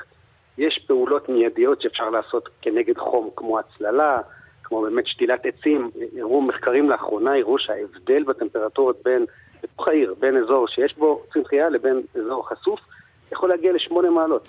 אני, בוא, אני, אני אספר לך מאתמול אחר הצהריים שעברתי מהגן שעשועים עם הסככה למתחת לעץ, הבדל דרמטי. ההבדל הזה הוא באמת דרמטי, ואנשי הרפואה יכולים באמת לתת לנו דוגמאות על, על מקרים שאנשים באמת נפגעו מהחום. קראנו את זה השבוע, אז זה פעולות מיידיות. לטווח הבינוני ויותר ארוך, הוא צריך כבר עכשיו להתחיל באמת בצמצום פליטת גזי חממה. יש יעד שהממשלה קבעה של 30% כן. אנרגיות מתחדשות, לשם צריך ללכת, אין, אין ספק בכלל, אחרת אנחנו רואים את התוצאות. זה מקדים, זה קורה לי... מהר מדי וחמור יותר. תרשה לי לשלב בשיחה שלנו אה, אדם שאתה מכיר היטב, יחזקאל ליפשיץ, מנהל רשות המים, שלום לך, בוקר טוב. בוקר טוב לך ולאמיר. איפה כל הדבר הזה פוגש את משק המים שלנו? אתה במשק המים, באמת אה, הממשלה השכילה להיערך, או המדינה השכילה להיערך לפני אה, שנים. אנחנו היום, 70% ממי השתייה שלנו מגיעים ממתקני התפלה. אני, אני, אני אעז ואומר, זה אחד התחומים היחידים בתשתיות הישראליות שבהם אה, הרשויות פעלו עוד טרם הקטסטרופה. אז באמת אני חושב שהמים באמת היה, זה נושא שעוד מהקמתה, שחר הקמתה של מדינת ישראל, נתנו לו תשומת לב, אני אזכיר את המוביל הארצי שנחנך בשנת 1964, אה, ולדעתי היה משהו כמו חמישה אחוז מהתמ"ג באותן שנים, כי כבר אז השכילו להבין שהמים הם אה, מצרך מאוד מאוד חשוב, אין לנו אותו הרבה, ויש לנו אתגרים שמדינות אירופה חוות אותו אה, רק היום. החוסר במים, הגידול באוכלוסייה שמייחד את מדינת ישראל, מצריך אותנו להיערך בצורה כן. טובה לגלי החום האלה. אז, אז חשבנו ש, שהתפלת המים, אתה אומר 70% מים מותפלים, אה, זה נתון פנומנלי, אה, חוסכת לנו את הקמפיינים בטלוויזיה, ואז הגיע אה, יום, ה, יום החום לפני, זה היה חודש או חודשיים, שפתאום מתקני התפלה הושבתו כי משק החשמל קרס. נכון, אז באמת, כמו שאמרת, ישי, יש באמת אה, ממשק בין המשקים התשתיתיים. כיוון שאנחנו נסמכים יותר ויותר על התפלה, אז אנחנו צריכים יותר ויותר אה, חשמל. ולכן לגל החום הנוכחי, אנחנו נערכנו כמו שצריך גם לגל החום הקודם, שעברנו אותו בשלום מבחינת משק המים. אה, כל המאגרים אה, מולאו, כל הגנרטורים שמגבים את המשאבות בכל מיני מקומות ברחבי הארץ אה, נבדקו ומולאו בהם מאגרי הסולר, וכך אנחנו ערוכים בצורה טובה לגל החום הנוכחי. אבל נבר סי נבר, אנחנו תמיד מסתכלים בדאגה ומוודאים שאין לנו מים הברזים. הדבר הזה נראה רגע, לנו למה, מאוד... רגע, למה סולר? אני מתחבר רגע לרעיון עם דוקטור גבעתי. ברגע, ש... ברגע שיש נפילת חשמל, או ברגע שיש השאלות עומסים אה, עקב עומס במשק החשמל, אז לעיתים אה, משק, ה... אה, משק המים נזקק להפעיל משאבות, ש... הגנרטורים פועלים על סולר, אבל התקווה היא לא להשתמש בהם כי נכון, כשיש הזרמת חשמל סדירה מחברת חשמל זה מגיע בעיקר מגז. נכון מאוד, רק לצורך אה, גיבוי וחירום, אבל בכל מקרה אנחנו לקראת אה, כל גל חום כזה, אנחנו אה, עושים ישיבות היערכות וממלאים את כל המאגרים כדי שנגיע מאגרים מלאים לקראת גל החום, mm-hmm. אבל עדיין, תראה, כמו שנאמר לפני כן, כיוון שזה באמת מגיע מהתפלה, המים הם מאוד יקרים. ואנחנו ככל הנראה, כמו שאמיר אמר בעתיד, נחווה יותר ויותר גלי חום, ומצד שני, פחיתה בכמות, בכמות המשקעים עקב שינוי הכללים. שני האקלים, ולכן אנחנו צריכים להתנהג במים בתבונה. לא לחזור אולי לתקופה של רפול של אה, מקלחות אה, בזוג, אה, אבל עדיין להתייחס למים כמשאב חיוני ויקר, לא משהו שאפשר לבזבז אותו, אבל לא צריך להחזיר את הקמפיינים הנפליים ולבוא ולהגיד בואו אל תשקו גינות, אבל כן להשתמש בזה בצורה מושכלת ונבונה. דוקטור אמיר גבעתי, בתורה הרי כתוב שארץ ישראל היא ארץ שלמטר השמיים תשתה מים. אין מוצא מהסיפור הזה? קודם כל צודק לחלוטין מנהל הרשות. אה, ישראל באמת אלופת העולם בשתי תחומים, מים ובחקלאות.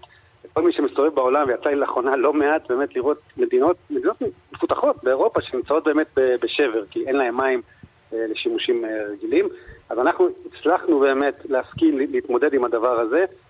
לגבי התחזיות המפחידות של האקלים, זה, זה תלוי בנו, זה באמת תלוי באנושות עם מנהיגי העולם. רשות ישראל פה היא באמת שחקן מאוד מאוד קטן.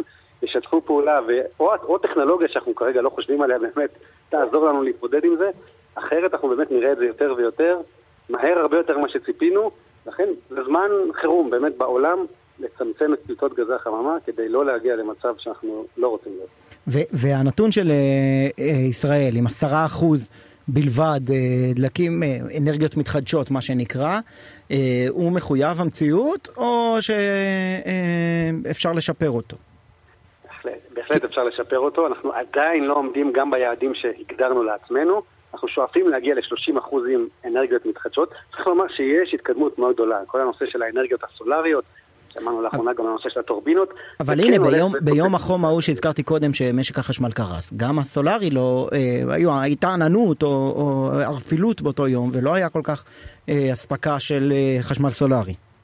צודק לגמרי, וזו דוגמה מצוינת, הייתי אומר אפילו, לחוסר הבנה של המערכות מה עם שינוי אקלים. כי בדיוק כמו שאמרת, זה לא היה עננות, זה היה אובך. מה לעשות שאצלנו בעונות מעבר חמסינים באים גם עם אובך, והמערכת שמנהלת את רשת החשמל ידעה שיש עלייה בצריכה, אבל לא לקחה בחשבון שתהיה ירידה בתפוקה.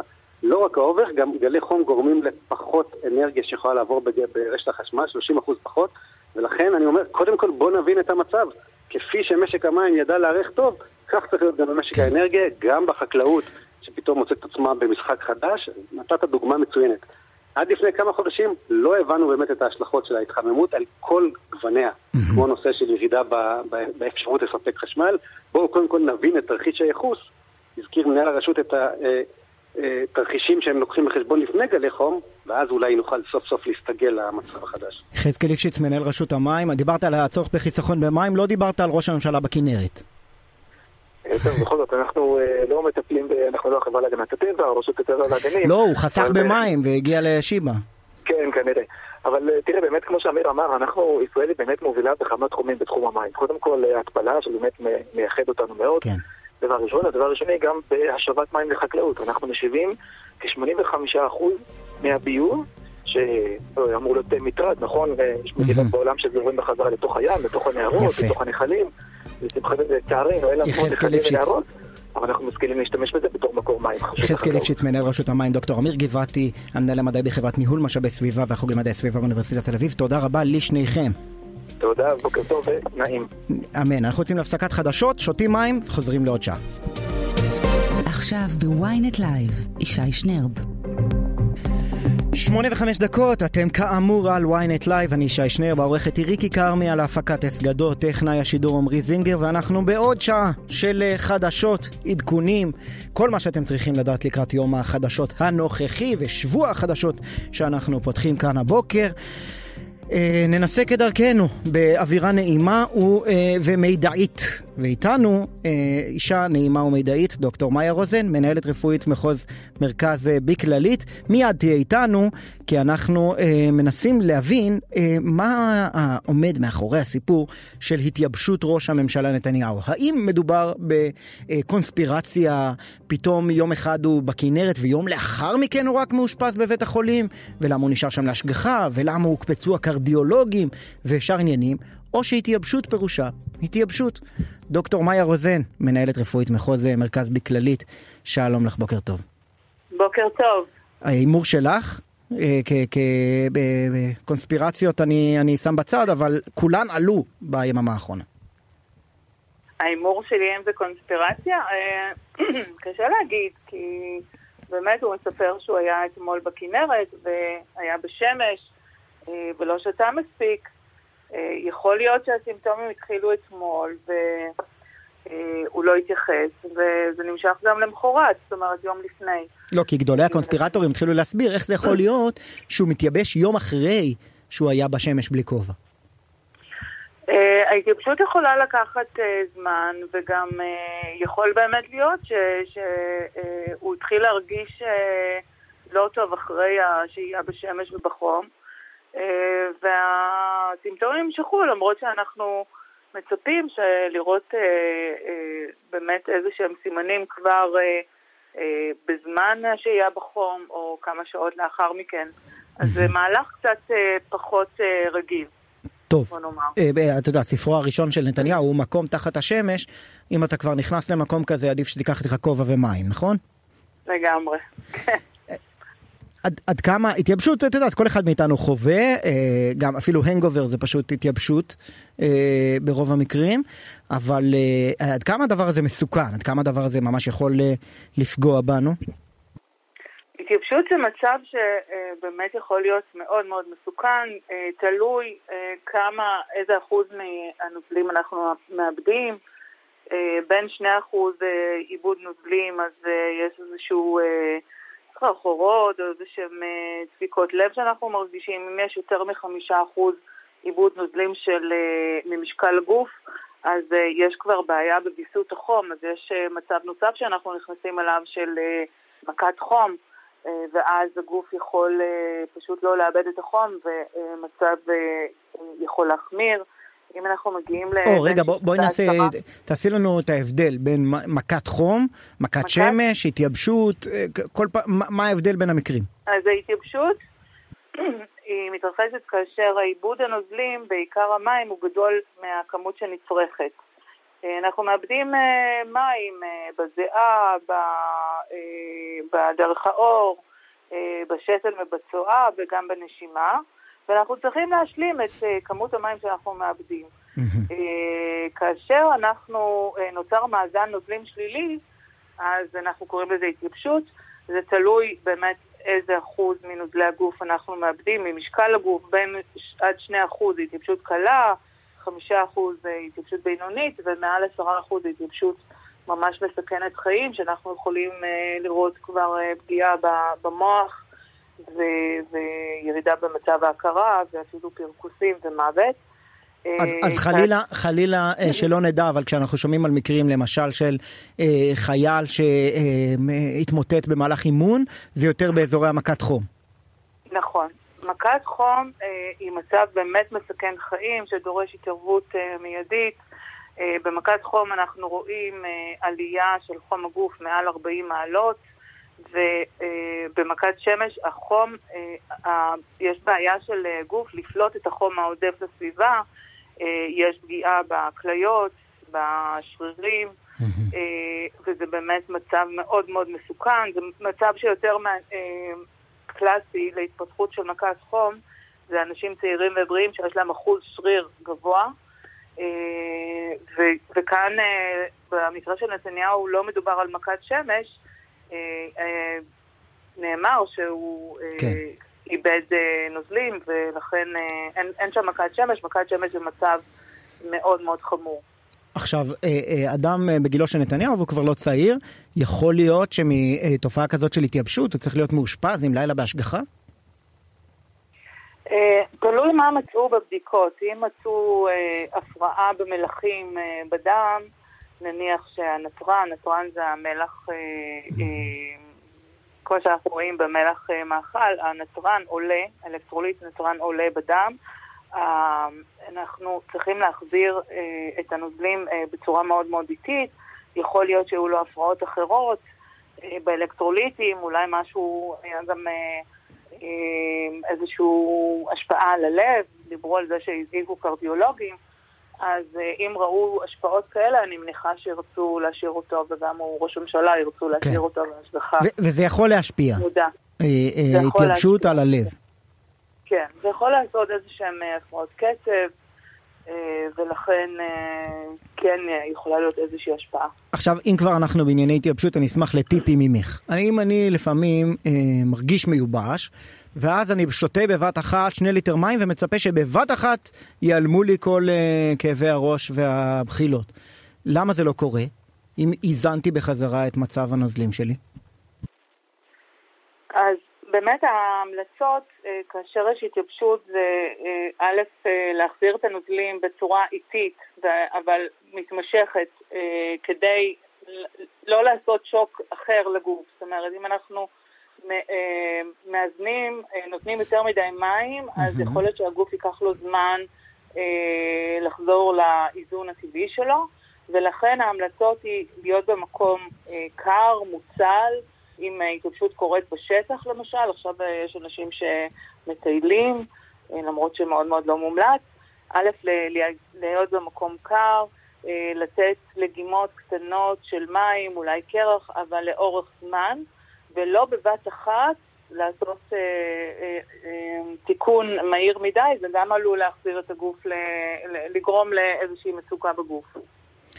דוקטור אה, מאיה רוזן, מנהלת רפואית מחוז מרכז כללית, בכל מקרה שלא נדע ונאחל אה, בריאות שלמה אה, לראש הממשלה נתניהו, תודה רבה לך. תודה, יום טוב. יום טוב. חברת הכנסת נעמה לזימי איתנו, מפלגת העבודה, יושבת ראש הוועדה המיוחדת לענייני צעירים, חברת ועדת הכספים, שלום לך, בוקר טוב. שלום, בוקר טוב ושבוע טוב. שבוע מצוין, מה שלומך? בסדר גמור, מה שלומך? בסדר, בסך הכל. לא, לא, לא, לא לנקר עיניים לאף אחד, בטח לא לראש הממשלה המאושפז. חלילה, רק בריאות. טוב, אה, אנחנו לקראת אה, שבוע דרמטי, שבועיים דרמטיים, אומרים שהשבוע אה, ועדת החוקה תאיץ את דיוניה כדי לסיים את הכנת חוק הסבירות לקריאה שנייה ושלישית בשבוע הבא. אה, את כחברת כנסת, מפלגת העבודה, האופוזיציה בכלל, אה, מה, מה מתכננת לעשות ואיך למלא את השבועיים הדרמטיים הללו? קודם כל בוא, בוא נגיד שלפני הקריאה הראשונה היו רק ארבעה אה, דיונים על עילת הסבירות. ובכלל לא מוצע דיון לפני קריאה ראשונה. אמר יו"ר הוועד- הוועדה שלמרות שהוא דהר וכבר הצביע, שלקראת שנייה ושלישית יהיה מספיק דיונים. ועוד פעם אנחנו רואים שלא. שביטול עילה כל כך מרכזית, שהיא גם תומכת עילות אחרות, שהיא כל כך דרמטית על הציבור עצמו, זה לא ויכוח בין המחוקק לשופט, בין הצ- לציבור עצמו, פשוט מבוטלת בלי מיצוי דיון, בלי איזה ש...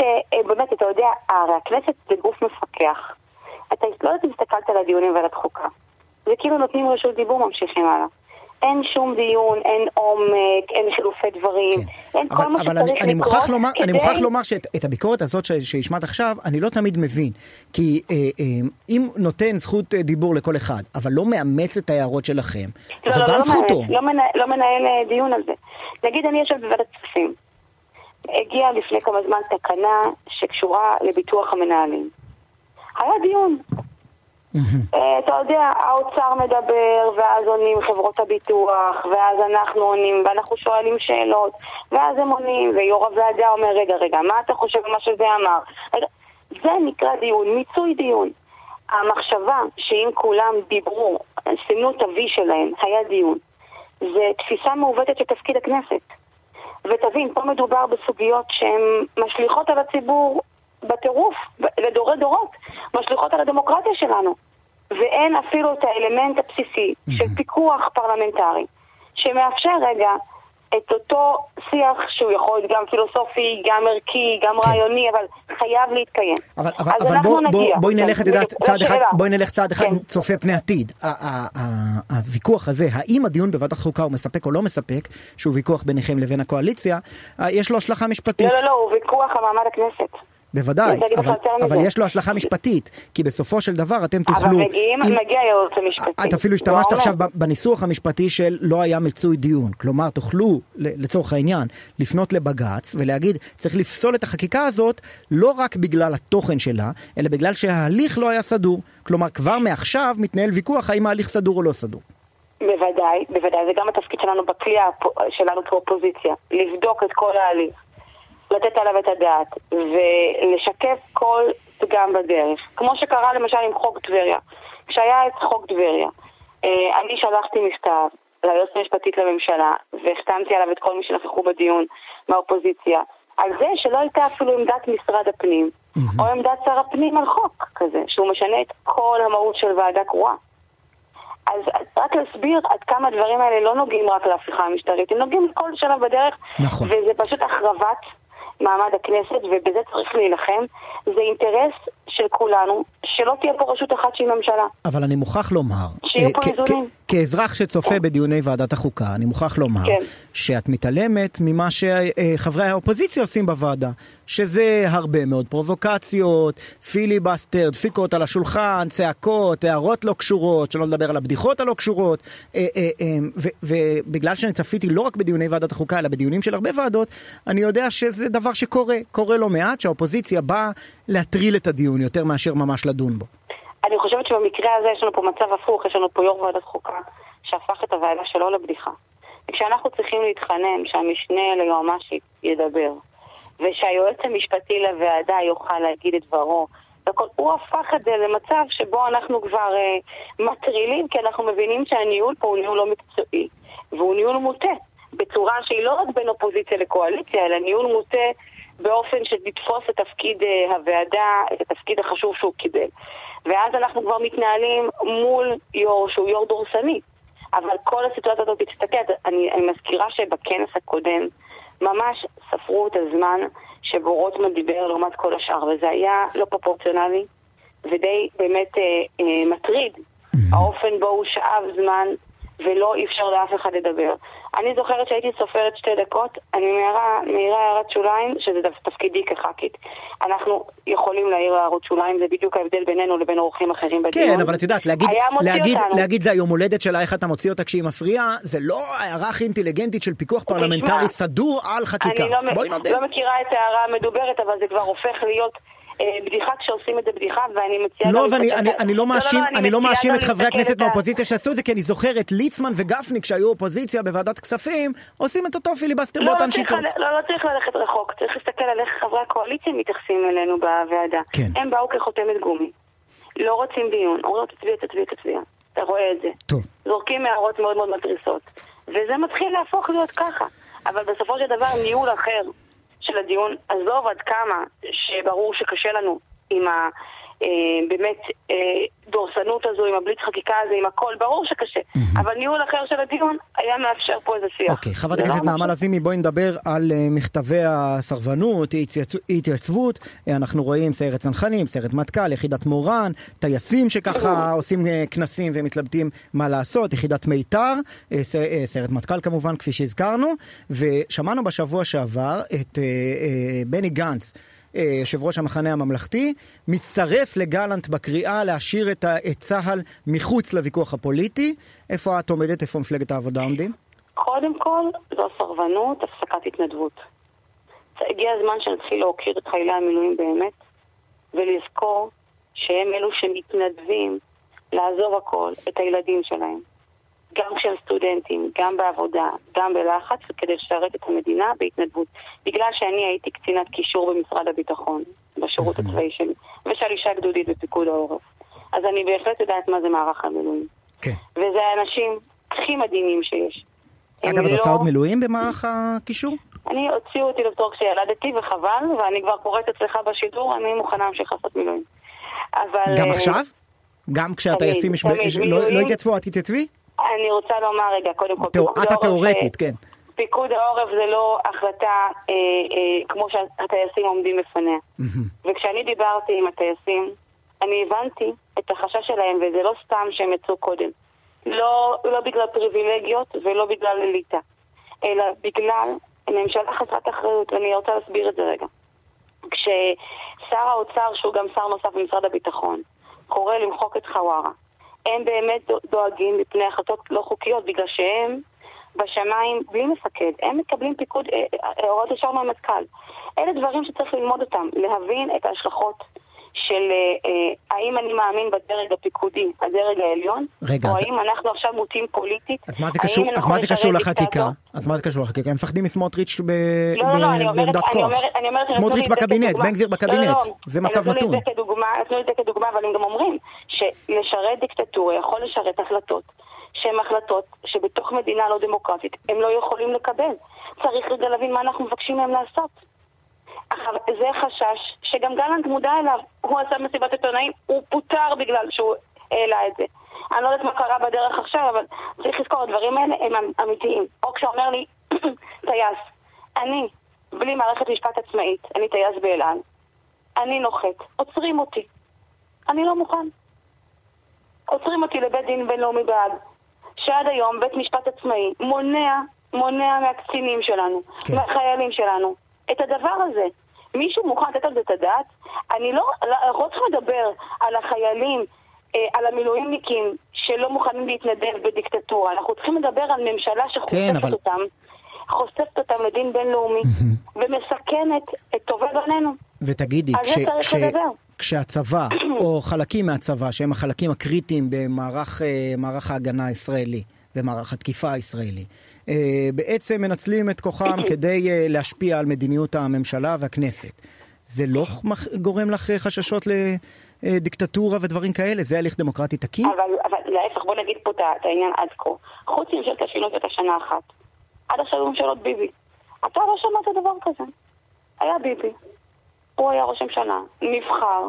יכולנו להפגין נגדו, אה, באמת אה, לעשות, לעשות הכל כדי שהוא לא יהיה ראש ממשלה. אני אומרת, נגיד, במידה והאנשים בכלל לא, לא תומכים בו. אבל לא היה דבר כזה. יש פה ניסיון לשינוי משטר. והם לא התגייסו כדי לשרת דיקטטורה. אני תמיד בסדר, מחזירה אני- אני- אני רק שואל אם זה לא- אם זה לא נשמע לך גם דיקטטורי. הטקסט הכי מדהים על ישראל הדמוקרטית הוא של רוח צה"ל בכלל. לא של מגילת העצמאות. כן. בו מוזכרת המילה דמוקרטיה ארבע פעמים.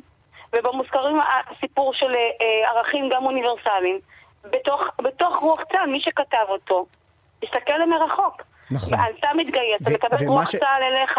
והדבר האחרון, והדבר האחרון שמנסחי... לקרוע את רוח צה"ל. והדבר האחרון שמנסחי רוח צה"ל העלו בדעתם, זה שהצבא יתחלק פלנגות פלנגות לפי אה, כל קבוצה והאמונה הפוליטית שלה. זה מאמין שזה פלנגות, דיקטטורה, פלנגות, תגיד וזה מי- מאמין מי שזה קיבל- דיקטטורה. מי פה קיבל אה, מיליציה צבאית בגלל שוחד פוליטי? בן גביר.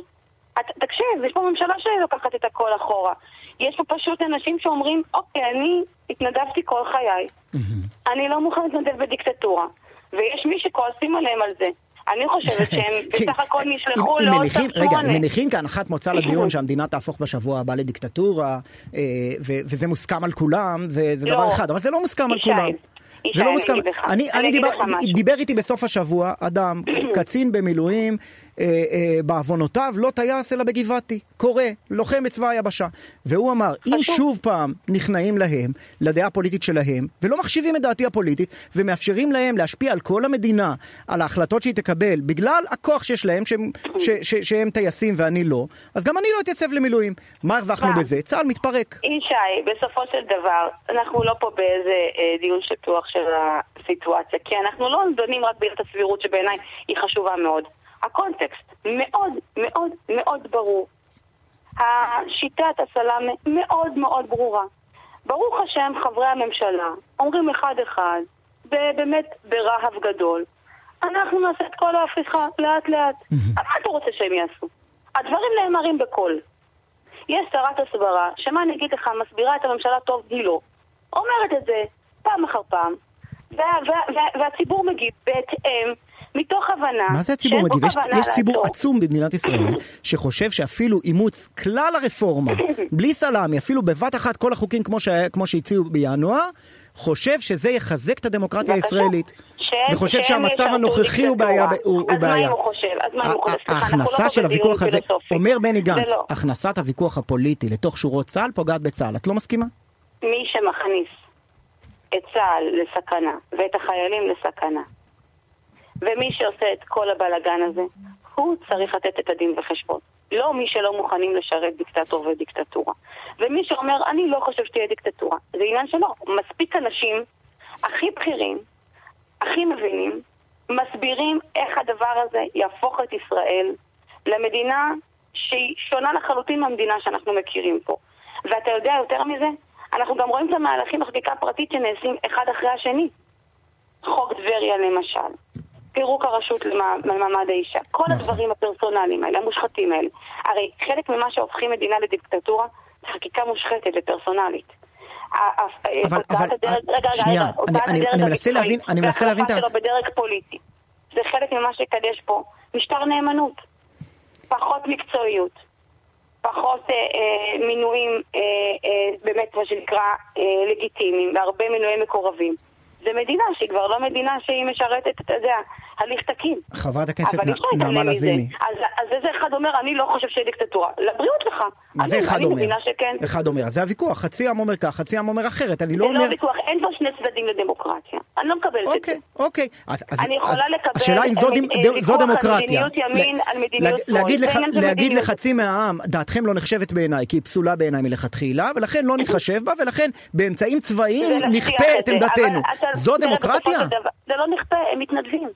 אי אפשר להגיד להם הם סרבנים יותר. אתם אומרים לאנשים שמתנדבים כל החיים סרבנים. וזה דבר שהוא נזק יותר עצום מזה שהם מחליטים לא להתנדב. כל סרבן התנדב לפני כן, כן? לא, ת- תשמע, הם את השירות הצבאי שלהם, את החובה שלהם לצבא, הרי מילאו. אה, אה, אה, אני לא מבין, אני לא מבין גם את משחק. המילים, מה זה, יודעת מה אי התייצבות למילואים, אנשים באמת, באמת אני עכשיו אומר בלי ציניות, צריך לברך ולהוקיר אותם על תרומתם למדינה היומיומית, גם כעת. ועדיין, עצם זה שהם משתמשים בכוחם כדי להכפיף את הכנסת והממשלה למדיניות לא, לא אחרת, משתמשים בכוחם כדי להכפיף, הם אומרים, מה? אנחנו לא נשרת את זה. זה מה שהם אומרים, הם, מותר להם להגיד, אנחנו התגייסנו לדמוקרטיה, ואנחנו לא מוכנים לשרת דיקטטורה, זה כל מה שהם אומרים. אבל תקשיב, הרי השיח הזה בינינו לא כן. יגרום להם לשנות דעתם, הם מבינים טוב מאוד מה יריב לוין עושה פה. הם מבינים טוב מאוד את כמה ביבי סחיט, וכמה שהוא כבר לקח את ישראל כמדינה, באמת כבת ערובה.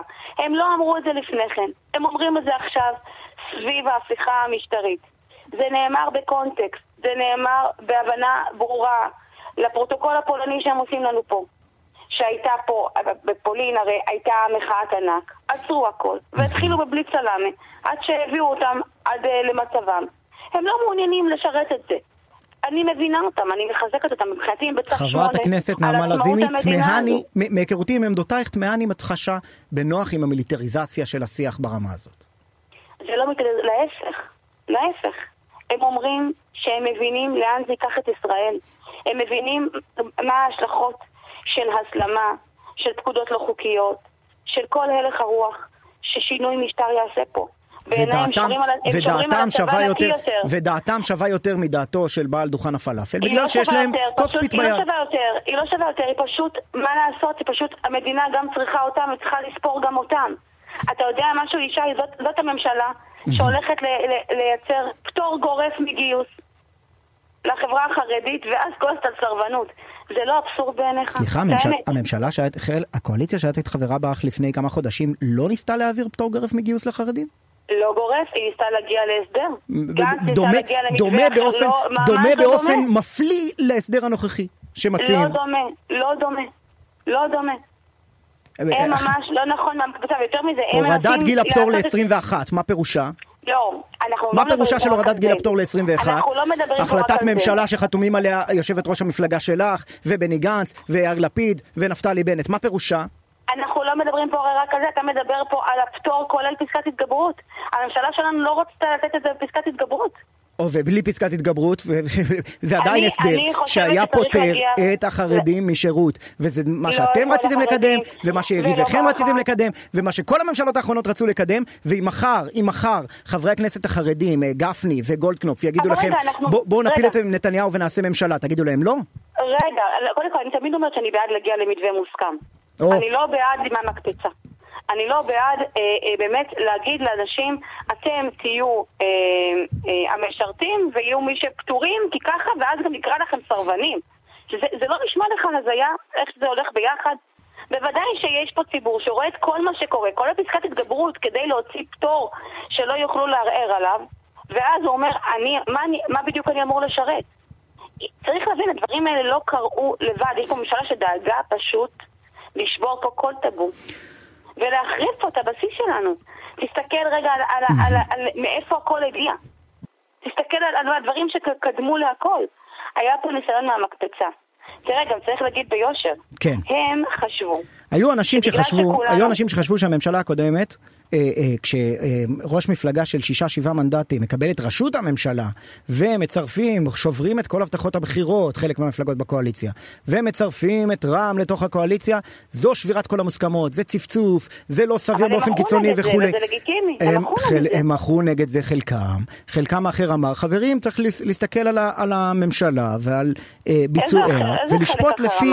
איזה חלק אחר אמר את זה? הרבה מאוד, רוב הימין לא השתתף במחאות האלה, לא אני- ראית חסימה, לא ראית סרבנות, לא ראית גילויי, גילויי אה, אה, אה, הבנה להצתת אה, מדורות על כבישים, לא ראית את כל הדבר הזה. אתה עושה סימטריה על דברים לא הגיוניים. אנחנו לא, אנחנו, אתה מדבר על משהו לא לגיטימי בעיניך. או, או זה... אני לא אמרתי מה. דעתי לא, בעניין. אני לא אומרת בעיניך, בעיני מפגין. שהוא לא לגיטימי בעיניו. אוקיי, אני מדברת על שינוי משטר. זה כבר סיפור אחר לגמרי. זה לא ויכוח פוליטי רגיל. להפוך את ישראל למדינה אחרת ממה שהיא הייתה פה, זה לא בתוך הוויכוח של הימין ושמאל, שהוא ויכוח... חוק באמת- הנאשם זה לא שינוי משטר? העובדה שבג"ץ הוא ישב על פסילת חוקי יסוד זה לא שינוי משטר? המהפכה החוקתית של 95 זה לא שינוי משטר? לא, לא? לא. מערכת משפט היא דבר מתפתח. מערכת משפט היא דבר מתפתח. רק לכיוון אחד. עצמאית. לא, כל- כל התפתחות אני- לכיוון ההפוך היא היא לא, שינוי לא, משטר אה, אה, שצריך לעצור אותו. כל התפתחות שהיא לא, אה, למנוע את האיזונים והבלמים של דמוקרטיה. בוודאי שהיא התפתחות בעייתית. אגב, אני הגשתי חוקים לתיקון... איך אפשר להגיד שהמהפכה מערכת החוקתית. תחשבי עליה מה שתחשבי, אם היא טובה או רעה אפשר להתווכח. האם המהפכה החוקתית של 95 היא לא שינוי משטרי? לא שינוי משטרי, לא. היא הוספת איזונים ובלמים למערכת הדמוקרטית. באמת, כמו שדמוקרטיה אמורה להתפתח, אנחנו מדינה בהקמה. מה לא ההבדל בין אמורים משטר להעסיק- פרלמנטרי למשטר חוקתי? זה ממש חלק, תראה, זה מדעי רוצה המדינה לך- אה, שנה א'. ממש ממש לא, אבל אני רוצה להגיד לך, אני כן הגשתי חוקים לתיקון מערכת המשפט. בניגוד לטענות יריב לוין ורוטמן, אני הגשתי את החוק לגיוון שופטים, ואת החוק למניעת סחבת ועינוי דין. הרי אומרים לך שזה על זה, נכון? אז אני פשוט עשיתי את המעשה, והגשתי את החוקים הרלוונטיים. אפשר שנעשה אולי את זה? חברת הכנסת נעמה לזימי, מפלגת העבודה, נדון, עוד, עוד נדון ונתווכח עד הרבה. אה, כן, לא, אנחנו מוכרחים לסיים פה. כן, אוקיי. תודה רבה לך. תודה רבה, ישי. אנחנו מוכרחים לסיים, כי נמצא איתנו אודר ינקו, כתבנו לענייני בריאות. שלום לך, בוקר טוב. אהלן, בוקר טוב. אז ניסינו להבין קודם מה בדיוק קרה שם לנתניהו ולמה הוא מאושפז בבית החולים שיבא, ואתה אה, מקבל אה, מידע מבפנים, מה אומרים בבית החולים? אה, תראה, אנחנו יודעים שהוא אתמול הגיע לבית החולים אה, כשהוא חש אה, ברע, עבר סדרת בדיקות, סדרת בדיקות גם סטנדרטיות שעובר כמעט כל אדם שמגיע למיון וגם בדיקות שרלוונטיות יותר לבן אדם בגילו. אנחנו יודעים שכרגע עיקר ההתמקדות היא בכיוון הקרדיולוגי, כלומר נשלל, הכיוון הנוירולוגי נשלל, אורתופדי כמובן גם נשלל, ולכן במהלך הלילה הוא נשאר להשגחה. אה, אה, במחלקה הקרדיולוגית, שלושת, שלושת הקרדיולוגים הבכירים בשיבא הגיעו אתמול, אה, ועיקר הכיוון שנבדק. במקביל אה, יערוך, הוא יערוך עוד בדיקות היום, ואני מעריך שהוא ישתחרר היום, אבל כן. עוד מוקדם לקבוע בשלב הזה. עכשיו, מה הסיפור של אזעקת הקרדיולוגים הבכירים של בית החולים? כי זה, זה, זה פתח גל של קונספירציות, שאולי התייבשות היא לא באמת התייבשות. אה, לא בטוח שהדברים סותרים, כלומר, יכול להיות שההתייבשות הייתה, ואתה יודע, בעצם אה, אה, באמת גרמה לו להרגיש, לנתניהו להרגיש לא טוב, ובמקביל עשו סדרת בדיקות, וכפי שאמרתי, כיוונים אחרים נשללו. עכשיו יש פה כמה גרסאות, האם האשפוז במחלקה הקרדיולוגית הוא בגלל שיש שם חדר מותאם, או בגלל ש... אה, באמת אה, עיקר הבדיקות אה, הבוקר תתמקדנה בכיוון הזה. לא בטוח שדברים סותרים, אבל כל אחד, אתה יודע, מציג גרסה אחרת. כן. שורה התחתונה, זה יכול להיות רק התייבשות, כרגע יכול להיות התייבשות ודברים נוספים, אנחנו לא יודעים להגיד כרגע, עוד מוקדם בשלב הזה לקבוע ולהגיד. צריך להגיד אבל בכלליות על הנושא, יש נוהל, הוא די ברור, שמחייב את ראש הממשלה, כל ראש הממשלה כמובן, לפרסם איזשהו דוח, דוח כללי על המצב הבריאותי, נתניהו לא כן. עשה את זה מ-2016, למעט עדכונים נקודתיים על אשפוזים ובדיקות כאלו ואחרות. אה, ולכן, אה, ואתה יודע, כשאין מידע, כשאין מידע שקוף, זו קרקע פוריה לקונספירציה. כן. עכשיו, עכשיו אה, עוד שאלה שנשאלה, הרי נתניהו פונה בשיירה מביתו בקיסריה, למה הוא נוסע עד שיבא ולא למשל להלל יפה, בית החולים בחדרה? זו שאלה מצוינת, ובעיקר זה מסר לא טוב, אני חושב. זה מסר שבעצם מראה מה הוא חושב על... אה, אני, אני חושב לא, לא רק על הלל יפה, אלא גם בכלל בתי חולים אה, יותר קטנים בפריפריה, שאגב הם רוב בתי החולים ורוב האזרחים בישראל מתאשפזים בהם. אנחנו מכירים את הצוות, אנחנו, אנחנו מכירים את היכולות של שיבא, בטח בכיוון, מבחינת המערך הקרדיולוגי, אם מראש היה חשש כזה. אה, ולכן יש פה אמירה מאוד משמעותית, אנחנו יודעים שחלק מהשירותים בהלל יפה, למשל כמו צנתור מוח, אה, אה, הם לא קיימים שם, גם המערך הקרדיולוגי, בהלל יפה הוא הרבה יותר קטן. כלומר, מדובר לא רק בבית חולים שהוא הרבה יותר קטן, אלא גם בבית חולים שמציע הרבה פחות שירותים, וזה מסר, אתה יודע, זה אירוע מאוד בעייתי, כי על פניו הוא באמת היה אמור להגיע להלל יפה, בחר להגיע לשיבא. אה, כן, זו נקודה, זו נקודה משמעותית מהבחינה הזאת. אה, אדיר ינקו, כתבנו לענייני בריאות, תודה רבה. תודה לך. ובגלל...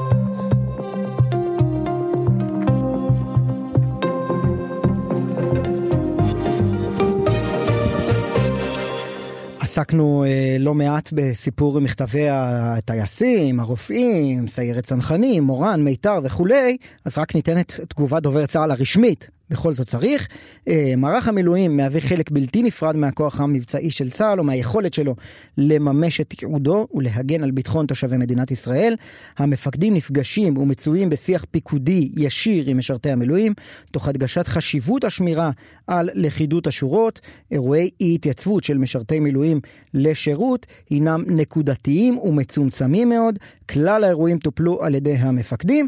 אה, ואני אוסיף עוד דבר, אה, שמענו פה את בני בן ארי, קצין מילואים ראשי, אך לפני uh, כחודש, מספר שבמהלך uh, סערת המכתבים הקודמת, בפועל, בזמן אמת, uh, רוב האירוע התרחש בתקשורת, וההתייצבות למילואים הייתה במספרים גדולים, אפילו יותר מימים כתיקונם, ולאחר, בעצם בין ה... בין גלי הוויכוח הציבורי הקודם לזה הנוכחי, התבטא מפקד חיל האוויר בשיחה עם קצינים שפורסמה בכלי התקשורת, צריך לנקות את הפוליטיקה מהצבא ומחיל האוויר, אנחנו בין גלים, בגל הבא יהיה שינוי מדיניות, כך הצהיר מפקד חיל האוויר, אלוף תומר בר. עכשיו אנחנו אה, בעניין אחר לחלוטין. אופיר רובין, רוקח וזכיין ברשת סופר פארם, שלום, בוקר טוב. בוקר טוב. אה, מה שלומך? אני מצוין, ואיך אתה? בסדר גמור. אה, אז אה, אנחנו, על מה אנחנו רוצים לדבר הבוקר? היום אנחנו רוצים לדבר על אלרגיות קיץ. אז בואו נתחיל רגע לתת איזשהו רקע, כמה מילות רקע שמה זה אלרגיה. אלרגיה כן. היא רגישות יתר בעצם, או תגובתיות יתר של מערכת החיסון. לחומר זר כלשהו, לאלרגן אנחנו קוראים לזה. אבל, אבל מה שמפתיע אותי הוא המילה קיץ, אה, שבאמת כן. נוססת מעל האייטם הזה, כי אני מכיר כן. אלרגיה של עונות מעבר, אלרגיה בעיקר באביב, עם הפריחה וכולי. יש אלרגיית קיץ? או, אז זהו, זה נכון, יש, מה שאנחנו בדרך כלל מכירים זה את האלרגיות של אה, תקופות המעבר, אבל לא רק, יש גם אלרגיות קיץ. ואנחנו ככה, וכמה מילים תכף אנחנו נדבר עליהם, אה, כמו למשל אלרגיה לעקיצות של יתושים, שזה בעיקר בקיץ, או אלרגיה לצמחים מסוימים, או אלרגיה לפירות קיץ, אה, גם אלרגיה לאבק, תכף נדבר למה בקיץ, אבל גם אלרגיה למקדמי הגנה, כל אלה כאל, אה, אלרגיות שאנחנו מתייחסים אליהן יותר כאלרגיות בקיץ. כן, ו- ואיך זה בא לידי ביטוי? ב- ב- כמו, זה דומה לאלרגיות של הפריחה? אז התשובה היא כן, אבל בואו רגע נחזור לרקע של אלרגיה, שבעצם גם על רקע גנטי יכול לעשות, זה לא רק על רקע שהוא אה, סביבתי, כמו שאמרנו, פירות קיץ או אה, אבק, שאנחנו נדבר על זה, mm-hmm. אלא יש פה גם מרכיב גנטי. עכשיו, זה יכול להיות גם איזושהי אלרגיה שהסימפטום שלה הוא מקומי, זאת אומרת, אתה רואה אותה באיזושהי פריחה קלה על האור, והיא יכולה להיות גם על כל הגוף. עכשיו, מה זה כל הגוף? זה יכול להיות פריחה אורית על כל הגוף. וכמובן, אלרגיה זה יכול להיות אה, התעטשות ודמעות, גם שיעול כמובן, נזלת, ומה שאנחנו בעיקר מכירים זה את הקוצר נשימה הזה. אז בואו רגע נדבר על, על אלרגיות, או איך להימנע מאלרגיות. קח אותי לאיך להימנע, כי, כי ממה שאני יודע, אדם שהוא אה, סובל מאלרגיות, בעצם הגוף שלו מתבלבל ומזהה כניסה של גורם תמים לתוך הגוף ככניסה של גורם עוין, ותוקף אותו, ואז הגוף אה, אה, מציק לעצמו. מה אפשר לעשות נגד זה? אז בואו נתחיל עם, כמה, עם, עם, עם הסוגים שיש לנו. למשל, בואו ניקח, נתחיל עם קרדית האבק. עם האבק הזה. אז קודם כל זה הנפוץ ביותר. אנחנו מדברים על למעלה מ-40% מהאוכלוסייה שרגישים לקרדית האבק. עכשיו, זה, כמו, שאתה, כמו שאמרת קודם, זה משהו שהוא רב-שנתי. זאת אומרת, זה לא תלוי אך ורק בקיץ, אבל למה בקיץ? כי בקיץ הבתים סגורים, והם ממולזגים, והאבק נשאר בתוכו, בתוך הכורסאות ובתוך המזרונים, ו... אנשים רגישים לזה, אז מה כן. אנחנו עושים? קודם כל זה... כלומר, צריך לעדכן את הדימוי הקולנועי שיש לנו בראש, של אדם מתעטש ואלרגני בתקופה של קרירות וגשם, ולהצמיד את התמונה הזאת גם לגלי חום כמו קליאון שאנחנו חווים כרגע. בדיוק, בדיוק. אז התשובה היא, פה אנחנו צריכים לשאוב יותר תכוף את השטיחים ואת המזרונים ולהחליט מצעים, ובעיקר לא לשכוח גם לנקות את הפילטרים במזגן, שם הם מתחבאים. אז זה דבר שבדרך כלל באופן קבוע כדאי מאוד לעשות, לאלה שרגישים מאבק. כן. מה קורה בדרכי הנשימה העליונות? למשל, אה, אם אני רוצה להימנע אה, מאיזושהי דלקת במערכת הנשימה, יש לנו היום תרסיסים של מי ים, מי מלח. הם ממש, אפשר לשטוף את האף כמניעה לאיזושהי דלקת במערכת הנשימה. גם אלכוהול אה, נמצא שהוא יכול להגביר את התופעות האלרגיות האלה. אז אם אנחנו יש לנו איזשהו התקף, או אנחנו נמצאים במהלך של טיפול נגד אלרגיה, אלכוהול מחוץ לתחום בשלב הזה. תראה, אני זוכר את התקופה שנשיאנו אה, בוז'י הרצוג התמודד על ראשות הממשלה. וממש ניסה להיפטר מכל מיני אלמנטים בקול שלו. ואחר כך הוא הסביר מה לעשות, יש אלרגיות. נכון. אה, זה אומר שהתרופות והיכולות הרפואיות לא תמיד יכולות לעזור עד הסוף. לכן אנחנו קודם כל מדברים על מניעה. למשל, אה, זאת אומרת, חוץ מהטיפול התרופתי כמובן שהוא יגיע אם צריך, אבל אם אפשר להימנע, להימנע, אז דיברנו על לשאוב ולאוורר, ודיברנו על להשתמש בטיפות אף, ודיברנו על להימנע מאלכוהול, אבל בעיקר, בואו בוא, בוא, בוא נדבר על זה. אם אני יודע שאני אלרגיה לצורך העניין אה, מאלרגנים שנישאים ברוח, אז אני לא אלך לגינות שכרגע קצרו את הדשא. Mm-hmm. או אני לא אלך אה, למקום שאתה יודע שהגנן שם עובר כן. עם מפוח אוויר כזה. זה מפיץ בדיוק מפיץ את אותם אלרגנים ואני יכול להינזק מזה. אז בואו, דיברנו ככה על המניעה. אמ, בואו בוא ניכנס רגע יותר לקיץ. אם אנחנו מדברים על, אתה יודע שיש כזה מונח שקוראים לו אלרגיית קיץ. זה לא באמת אלרגיית קיץ, זה אה, אלרגיה שהיא אלרגיה לקרינה האולטרה סגולית של מי השמש. והיא אומנם אלרגיה נדירה, אבל צריך גם להתייחס אליה, כשהפתרון פה הוא כביכול מאוד פשוט, ללכת עם בגדים ארוכים ולהימנע כמה שניתן מהשמש. אז אין ברירה, למרות שאנחנו בקיץ וחם, אנחנו צריכים, מי שרגיש ומי שיודע שיש לו אלרגיה לקרינה הזאת של מי השמש, אז כדאי מאוד שילבש אה, בגדים ארוכים, יכסה את גופו ממש במשך רוב שעות היום. אז אולי זה מה שקרה לנתניהו? בכנרת? תשמע, אני לא יודע בדיוק לא, אני צוחק, אני צוחק כי לשכת ראש הממשלה הוציאה הודעה בזו הלשון ממש הרגע. הבוקר המשיך ראש הממשלה נתניהו לעבור בדיקות במרכז הרפואי שיבא. הבדיקות תקינות, מצבו טוב מאוד והוא צפוי להשתחרר בהמשך היום. מצוין. אמ, אבל, אבל אתה אומר יש ממש אלרגיה לקרינת השמש? כן. אני מניח שנתניהו לא, לא, זה לא עניין של אלרגיה אמ, שבגינה הוא התאשפז. אה, בואו בוא נמשיך רגע לדבר על אלרגיה. דיברנו על אלרגיית קיץ, בואו נדבר רגע על אלרגיות לפירות קיץ, אוקיי? כן. אז כמו שאמרנו, שבפירות קיץ, כמו למשל, אני יודע מה, אבטיח ומלון ואפרסק, יש ממש סוגים רבים מאוד של פירות שהם, אתה יודע, הם פירות קיץ הם, בהגדרה. והגוף בעצם... הוא מזהה את החלבון בפירות כגורם, כגורם עוין. אז זה איום, ולכן הוא מתבטא או מפעיל את המערכת החיסון כנגדם. עכשיו, זה לא חייב להיות רק בגלל שאכלנו uh, בעיות במערכת העיכול, כלומר כאבי בטן ושלשולים, זה ממש יכול להיות תגובה אורית, ממש כוללת בכל הגוף, איזושהי אלרגיה שרואים אותה uh, ממש על פני כל הגוף. מה, יש אנשים שאוכלים חתיכת אבטיח וכל הגוף שלהם נהיה אדום? כן. איך להימנע מזה? אתה יודע, היום אנשים מבוגרים יודעים בדיוק מה הם, מאיזה פירות כדאי להם להימנע כי הם אלרגיים. אבל אתה יודע, אנחנו נוסעים היום לחו"ל ולארצות אקזוטיות ואנחנו רואים פירות פרי, מה זה יפהפה על המדף, ואני לא יודע אם אני אלרגי או לא. אז התשובה היא לטעום בזהירות, ממש לבחון את התגובה של הגוף. אגב, זה בדיוק מה שאנחנו עושים לתינוקות. איך אנחנו חושפים אותם לאוכל חדש? נותנים להם במנות מאוד מאוד קטנות, לראות איך הם יגיבו. כן. אז אותו דבר גם כאן. אופיר רובין. כן. לא, אנחנו אה, נעזר בטיפים שלך לקראת אה, הקיץ. בשיא החום לדבר על אלרגיות, זה גם חידוש. תודה רבה לך. בשמחה, להתראות. להתראות. ואנחנו, אם כבר שיא החום, עם דני רופ, שלום לך, בוקר טוב. דני? דני רופ איתנו? כן, מה העניינים? היי, מה נשמע? מה שלומך? טוב, מה שלומך? מה הטמפרטורה של המזגן אצלך בבית כרגע? אני אף פעם לא יורד מ-24. וואו, סקופ. ברור שאנשים צריכים ללמוד, זה לא צריך. 24, לפעמים בימים קשים 23, עם המזגן במצב, נהיינו מומחים למזגנים, עכשיו בסדר, נו. עם, ה, עם הפילטר נקי והמזגן אה, במצב טוב, ואתה סוגר, ואתה לומד לסגור את הבית כמו שצריך, ושלא ייכנס שום דבר מבחוץ, ולהשאיר את הבית קצת יותר חשוך, כן, כדי שהבית לא יתחמם, כן. 23-24 מעלות עושה את העבודה נהדר. אבל תשמע, ב... ולכוון את התריסים ללמעלה, לא ללמטה, כי האוויר הקר יורד. אנשים יש להם נטייה להקפיא את האנשים ולעשות את התריס עליך. אתה צריך להשאיר את התריס למעלה, ואז האוויר הקר הוא יותר כבד והוא יורד אליך. זה בדיוק הפוך בחורף. תשמע, לא ידעתי שצריך כזאת מומחיות כדי להפעיל מזגן גם רואה? בבית. אתה רואה? לא, זה לא עובד, זה לנצל את המזגן, כדי שתשמע, יש, אני כל כך הרבה שנים עושה את ה... תחזית, ואני אני, אני זוכר כל פעם, לפחות שלוש פעמים בשנה, שבהם החום גובר על כל דבר אחר.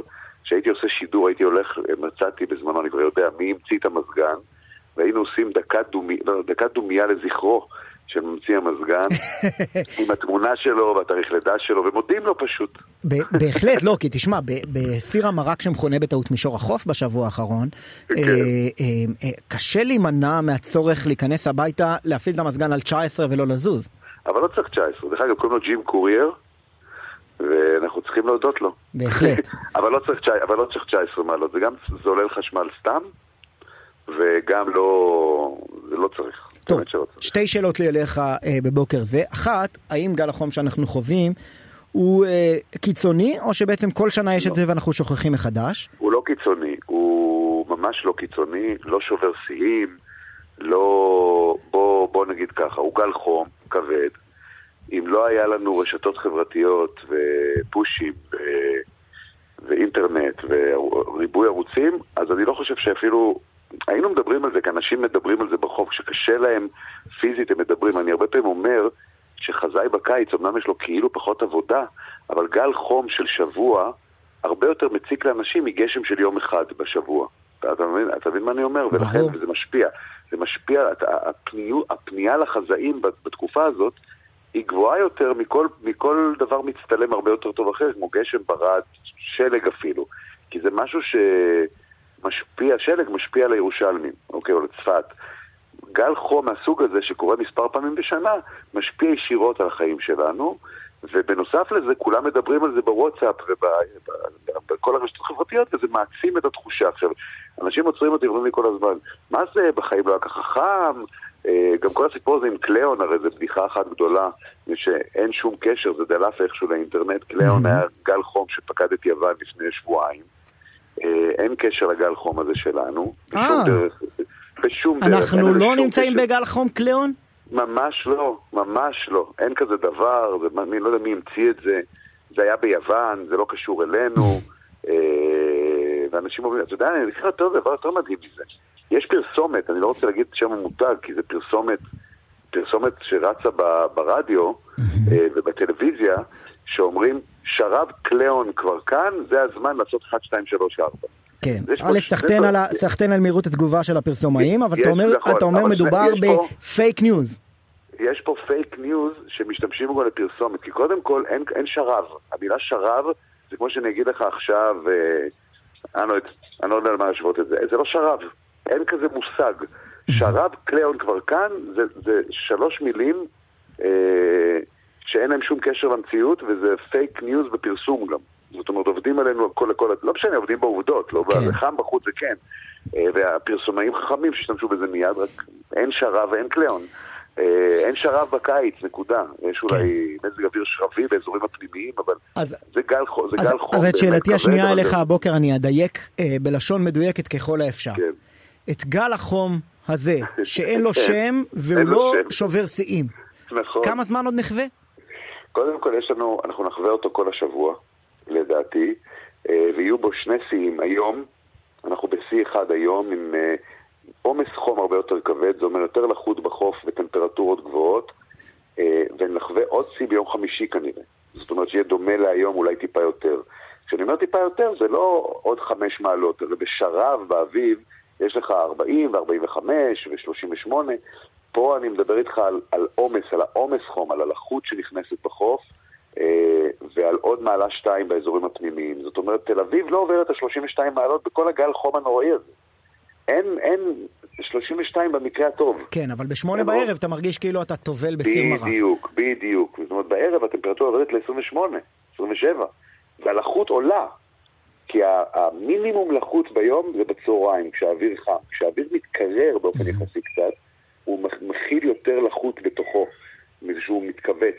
ולכן אנחנו מרגישים בערב, מי שגר בחוף ובשפלה, סובל הרבה יותר בערב ובלילה מאשר במהלך היום הרבה פעמים, במיוחד כשאתה חושב שיותר נעים בחוץ ואתה יוצא החוצה. וככל שאתה מתרחק מהים ונכנס פנימה, אז הלחות יורדת, אבל הטמפרטורה מטפסת. וכשאתה מגיע לבקעה, לערבה, למקומות האלה, ים המלח, אתה מקבל 43, 44, כן. 45, אלה הטמפרטורות, הים לא מצליח למתן, בחוף הים מצליח למתן את הטמפרטורה מצד אחד. אנחנו צריכים, אה, צריכים, צריכים להנחיל בישראל אה, בית קיץ ובית חורף כאופציה רצינית. בדיוק. דני רופ. ותסתכל אבל עוד תופעה אחת, בינתיים, אנחנו אוטוטו נכנסים לסוף יולי כבר. כן. מה עם המדוזות? או. או, נעלמו. אבל תשאיר, לנו משהו לאייטמים אחרים, אנחנו חייבים חומר. דני רופ. אומרים שזה פוליטי, אבל אני לא, לא משוכנע. אה, יפה. הם, חתמו על מכתב אי התייצבות. תודה רבה לך. ביי.